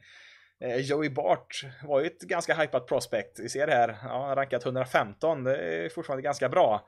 Men ehm, han har sjunkit på prospectlistan en hel del. Han har inte haft någon jättestor framgång i MLB så här långt. Men han är som sagt, han spelar en säsong, 25 så att det finns ju lång tid kvar. Och catchers tar väl ofta lite längre tid innan de slår igenom ofta då i MLB. Um, ehm, Jock Peterson är ju ny här.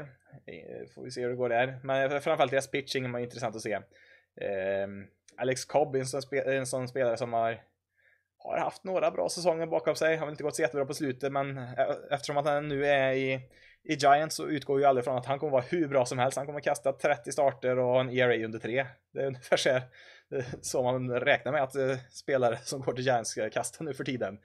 Eh, Disclafani hade en jättebra säsong förra året. Logan Webb kommer ju från lite ingenstans och kastar jättebra. Carlos Rodone, nyförvärv. Eh, hade ju en riktigt bra säsong förra året. Det var ju en Cy kandidat innan han blev skadad där på slutet. Så att, eh, eh, kollar man bara på de enskilda spelarna så ser det inte ut att vara så himla bra lag egentligen. Ett eh, okej okay lag men på något sätt, eh, det är väl den nya Oakland Ace fast de har en stor payroll. De får det att funka på något sätt. Vet inte riktigt hur, men på något sätt gör de det. Och eh, ja, i och för sig, kanske säger en del. Farhan Said i deras, eh, ja han är väl President of Baseball Operations. Han började sin karriär en gång i just Oakland Ace. Så att han, ja, tar med sig deras filosofier och dessutom har mycket pengar att spendera så kan de ju bli riktigt, riktigt farliga. Jag vet inte riktigt om man kan räkna med att de ska vara riktigt, riktigt lika bra som förra året, men ja, på något sätt så tror jag att de är vassare än Padres. Jag kan inte riktigt förklara hur, men på något sätt känns det på det viset. Två lag kvar. Cardinals har vi här då. Ehm, ja, Tyler O'Neill. Har koll på honom. Eh, tänk efter nu, hur mycket hörde ni om Tyler O'Neill förra året? Ja, ni kanske hörde att ja, hans pappa var en bodybuilder. Han själv ser också ut som en och går i pappas fotspår. Det ser ut som en riktig tegelsten där ute. Men kollar vi på hans siffror. Slog 286, 352 och en sluggen på 560. VSC plus på 145, över 5 i War. Det är en fantastiskt bra säsong. Men han fick inte, väldigt, eller ja, lite uppmärksamhet fick han väl såklart, men inte mycket. I alla fall inte för en spelare som, som slår så här bra. Lite, lite grann som med Kyle Tucker. Det är en, sp så, en, spelare som man ska utkika efter. Får vi se om, visst det kanske bara var en säsong här som man gick riktigt bra, men eh, ha, ha, koll på Tyler O'Neill här.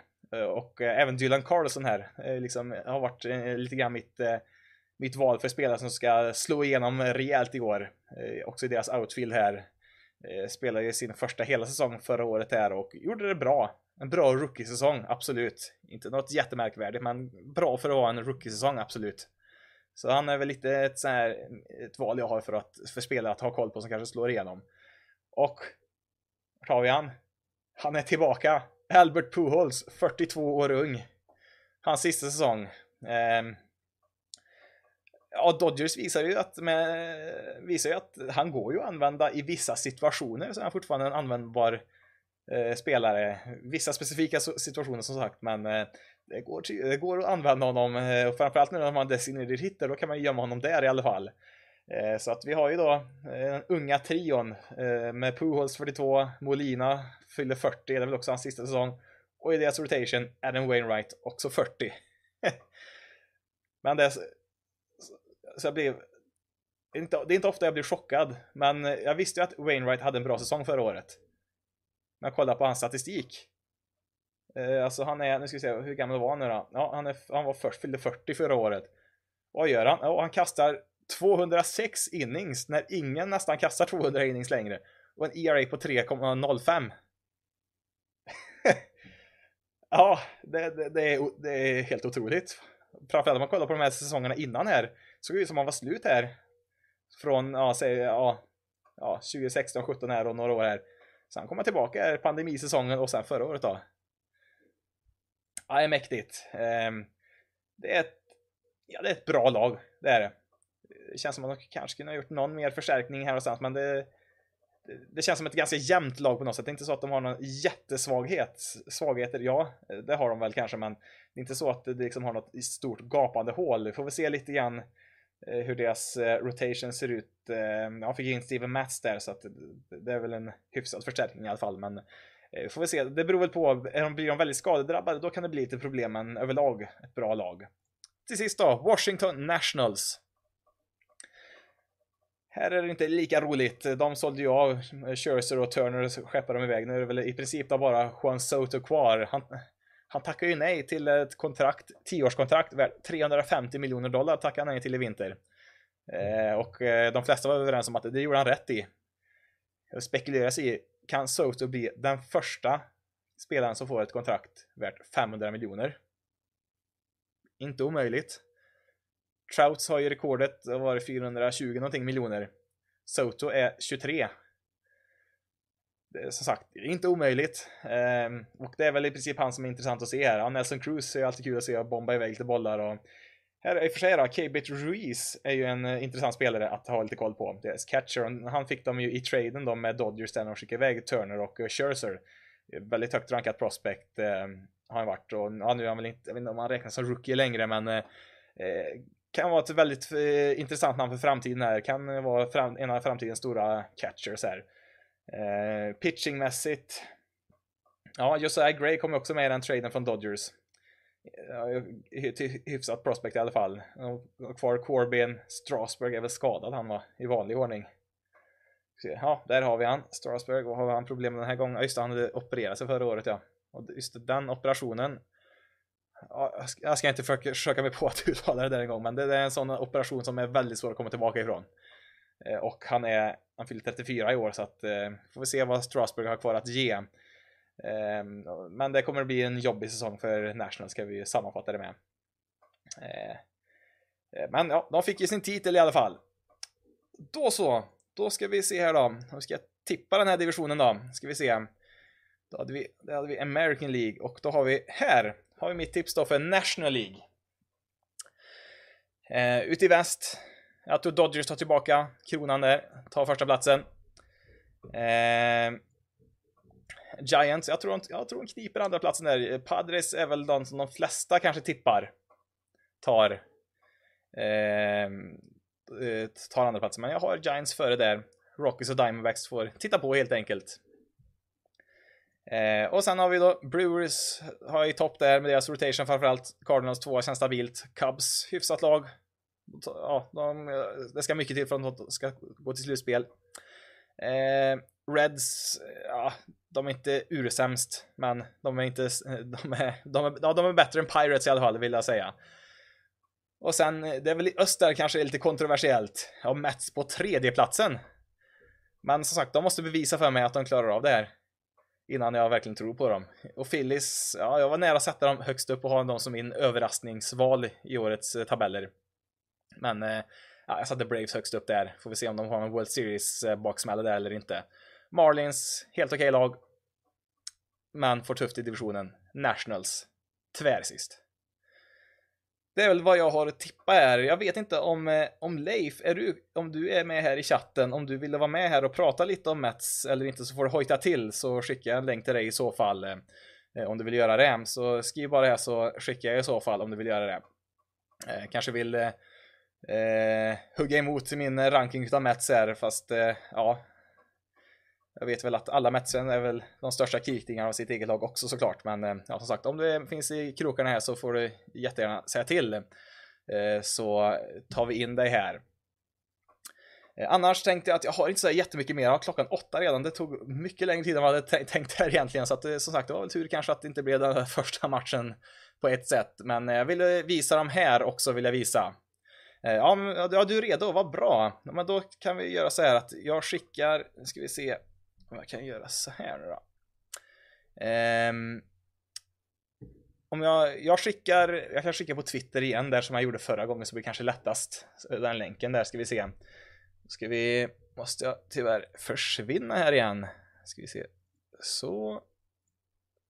Där. Um, så. Där ska vi se och så ska vi skapa ett rum här också så vi kan prata i.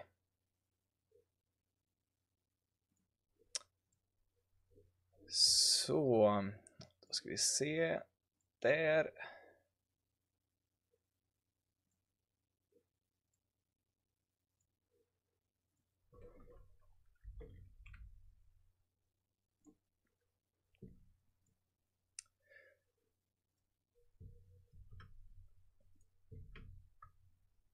Där, då är länken skickad till dig Leif, där är nu redo. Ska vi se om vi kan få igång ett till samtal. Då får vi ett eh, lite National League-synvinkel här också, ska vi se.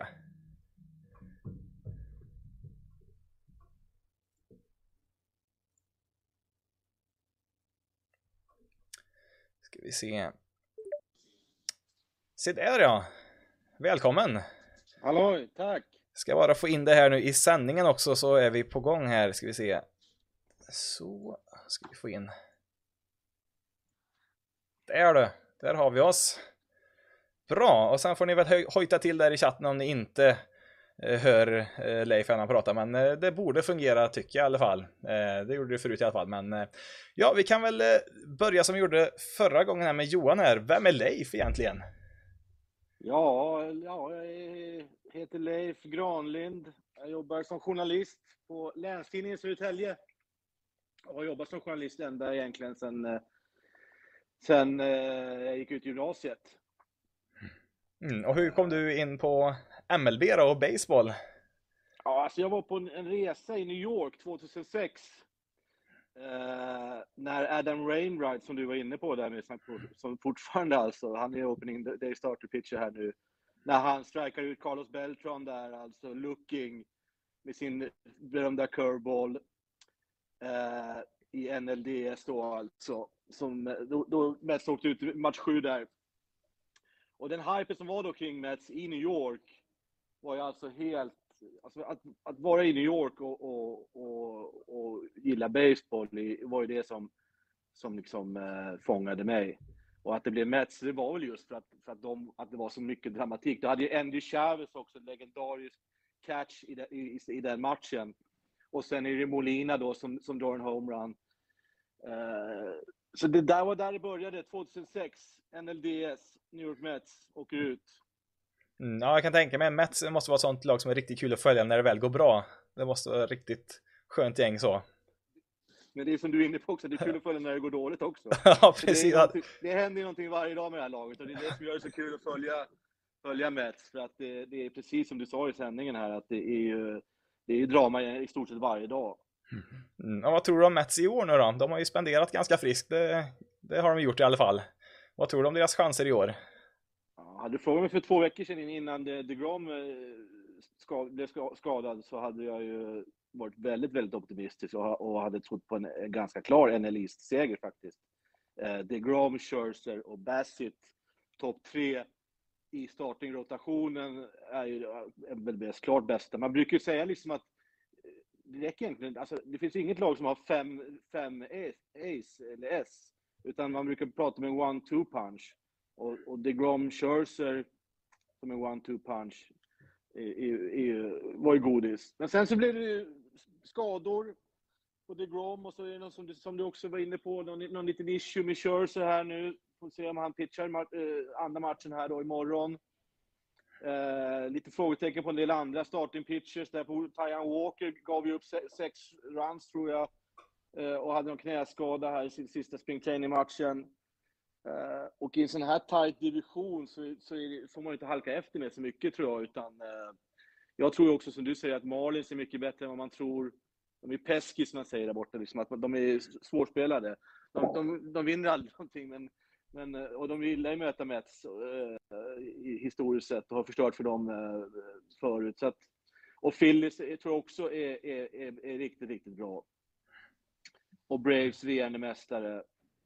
Så att eh, jag får hoppas på att man hänger med här nu eh, i början eh, tills DeGrom kommer tillbaka helt enkelt. Och, se, och, sen får man ju se då hur, hur mycket, hur, hur, hur bra han är. Alltså, man håller ju andan varje gång han kastar nu, för han är ju så skadebenägen. Mm, ja, om han det... kommer tillbaka, hur, ja, förlåt. Ja, ja, som du säger, skulle man få en hel säsong där ja, DeGrom, Scherzer och även Bassett då, skulle de kasta 30 starter var, då då är det nog få lag som kan stoppa dem, men det är just det att mm.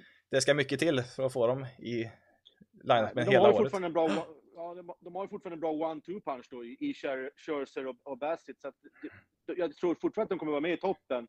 Men, eh, men eh, ja, man får inte halka efter alltså, för det, det, för det, är, för, det är för tajt eh, division.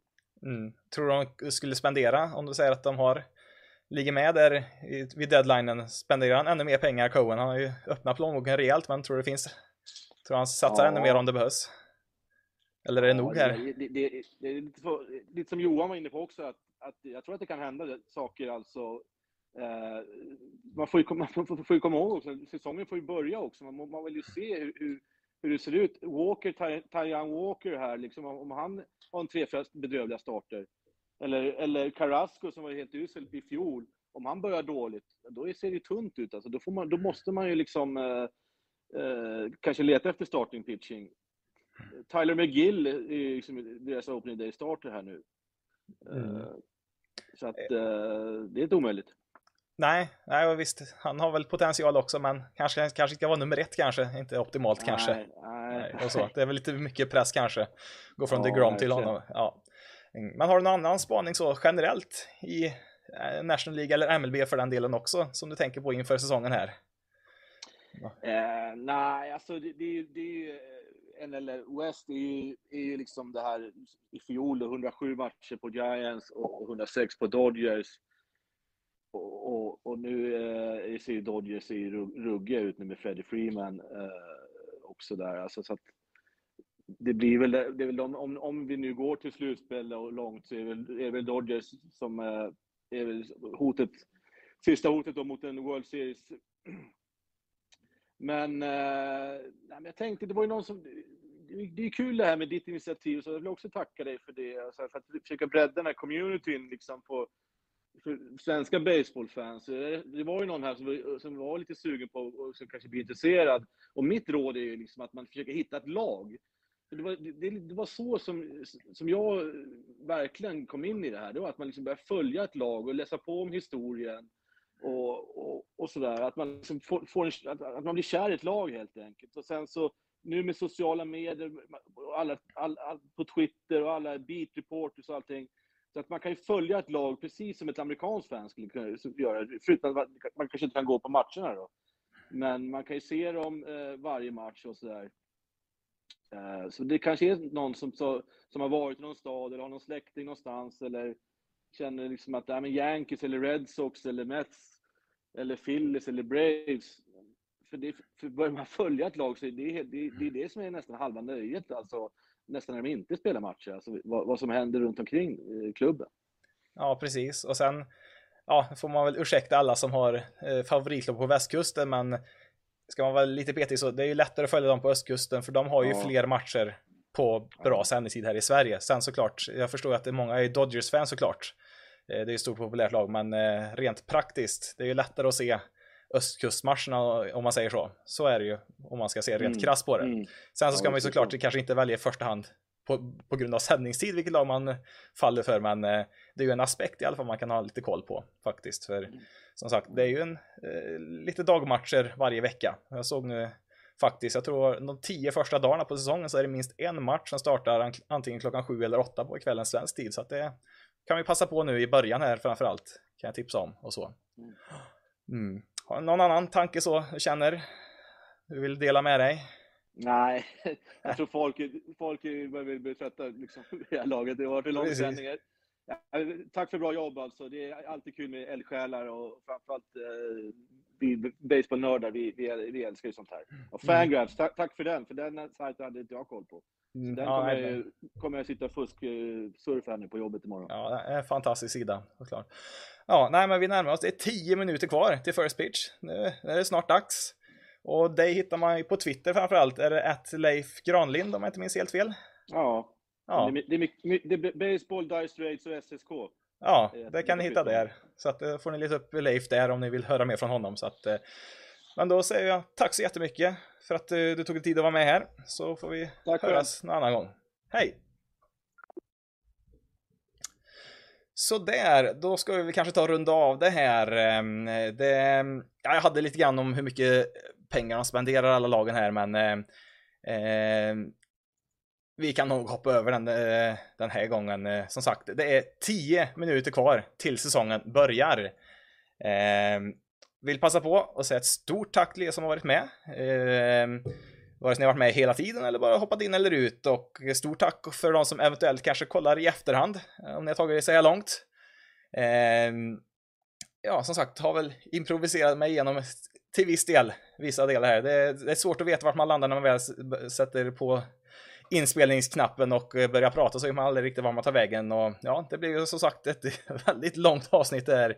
Eh, kommer eh, som sagt att även ladda upp det på podcastfeeden för de som vill eh, lyssna där. Men eh, det är väl som sagt ett tips. Ja, när man kommer så här långt så är det väl för sent kanske, men ett tips är väl kanske att titta på eh, videosändning eller ha den lite grann i bakgrunden kanske. Men det är inte så att det var eh, hur spännande som helst på skärmen varenda sekund så att eh, det kanske passar bra som bakgrundsljud också såklart. Eh, Eh, men återigen ett stort tack till alla er som har varit med här. Ni kan ju följa eh, Basis Loaded på Twitter, där Basis Loaded får man leta upp där. Eh, detsamma gäller på Facebook, finns en grupp där.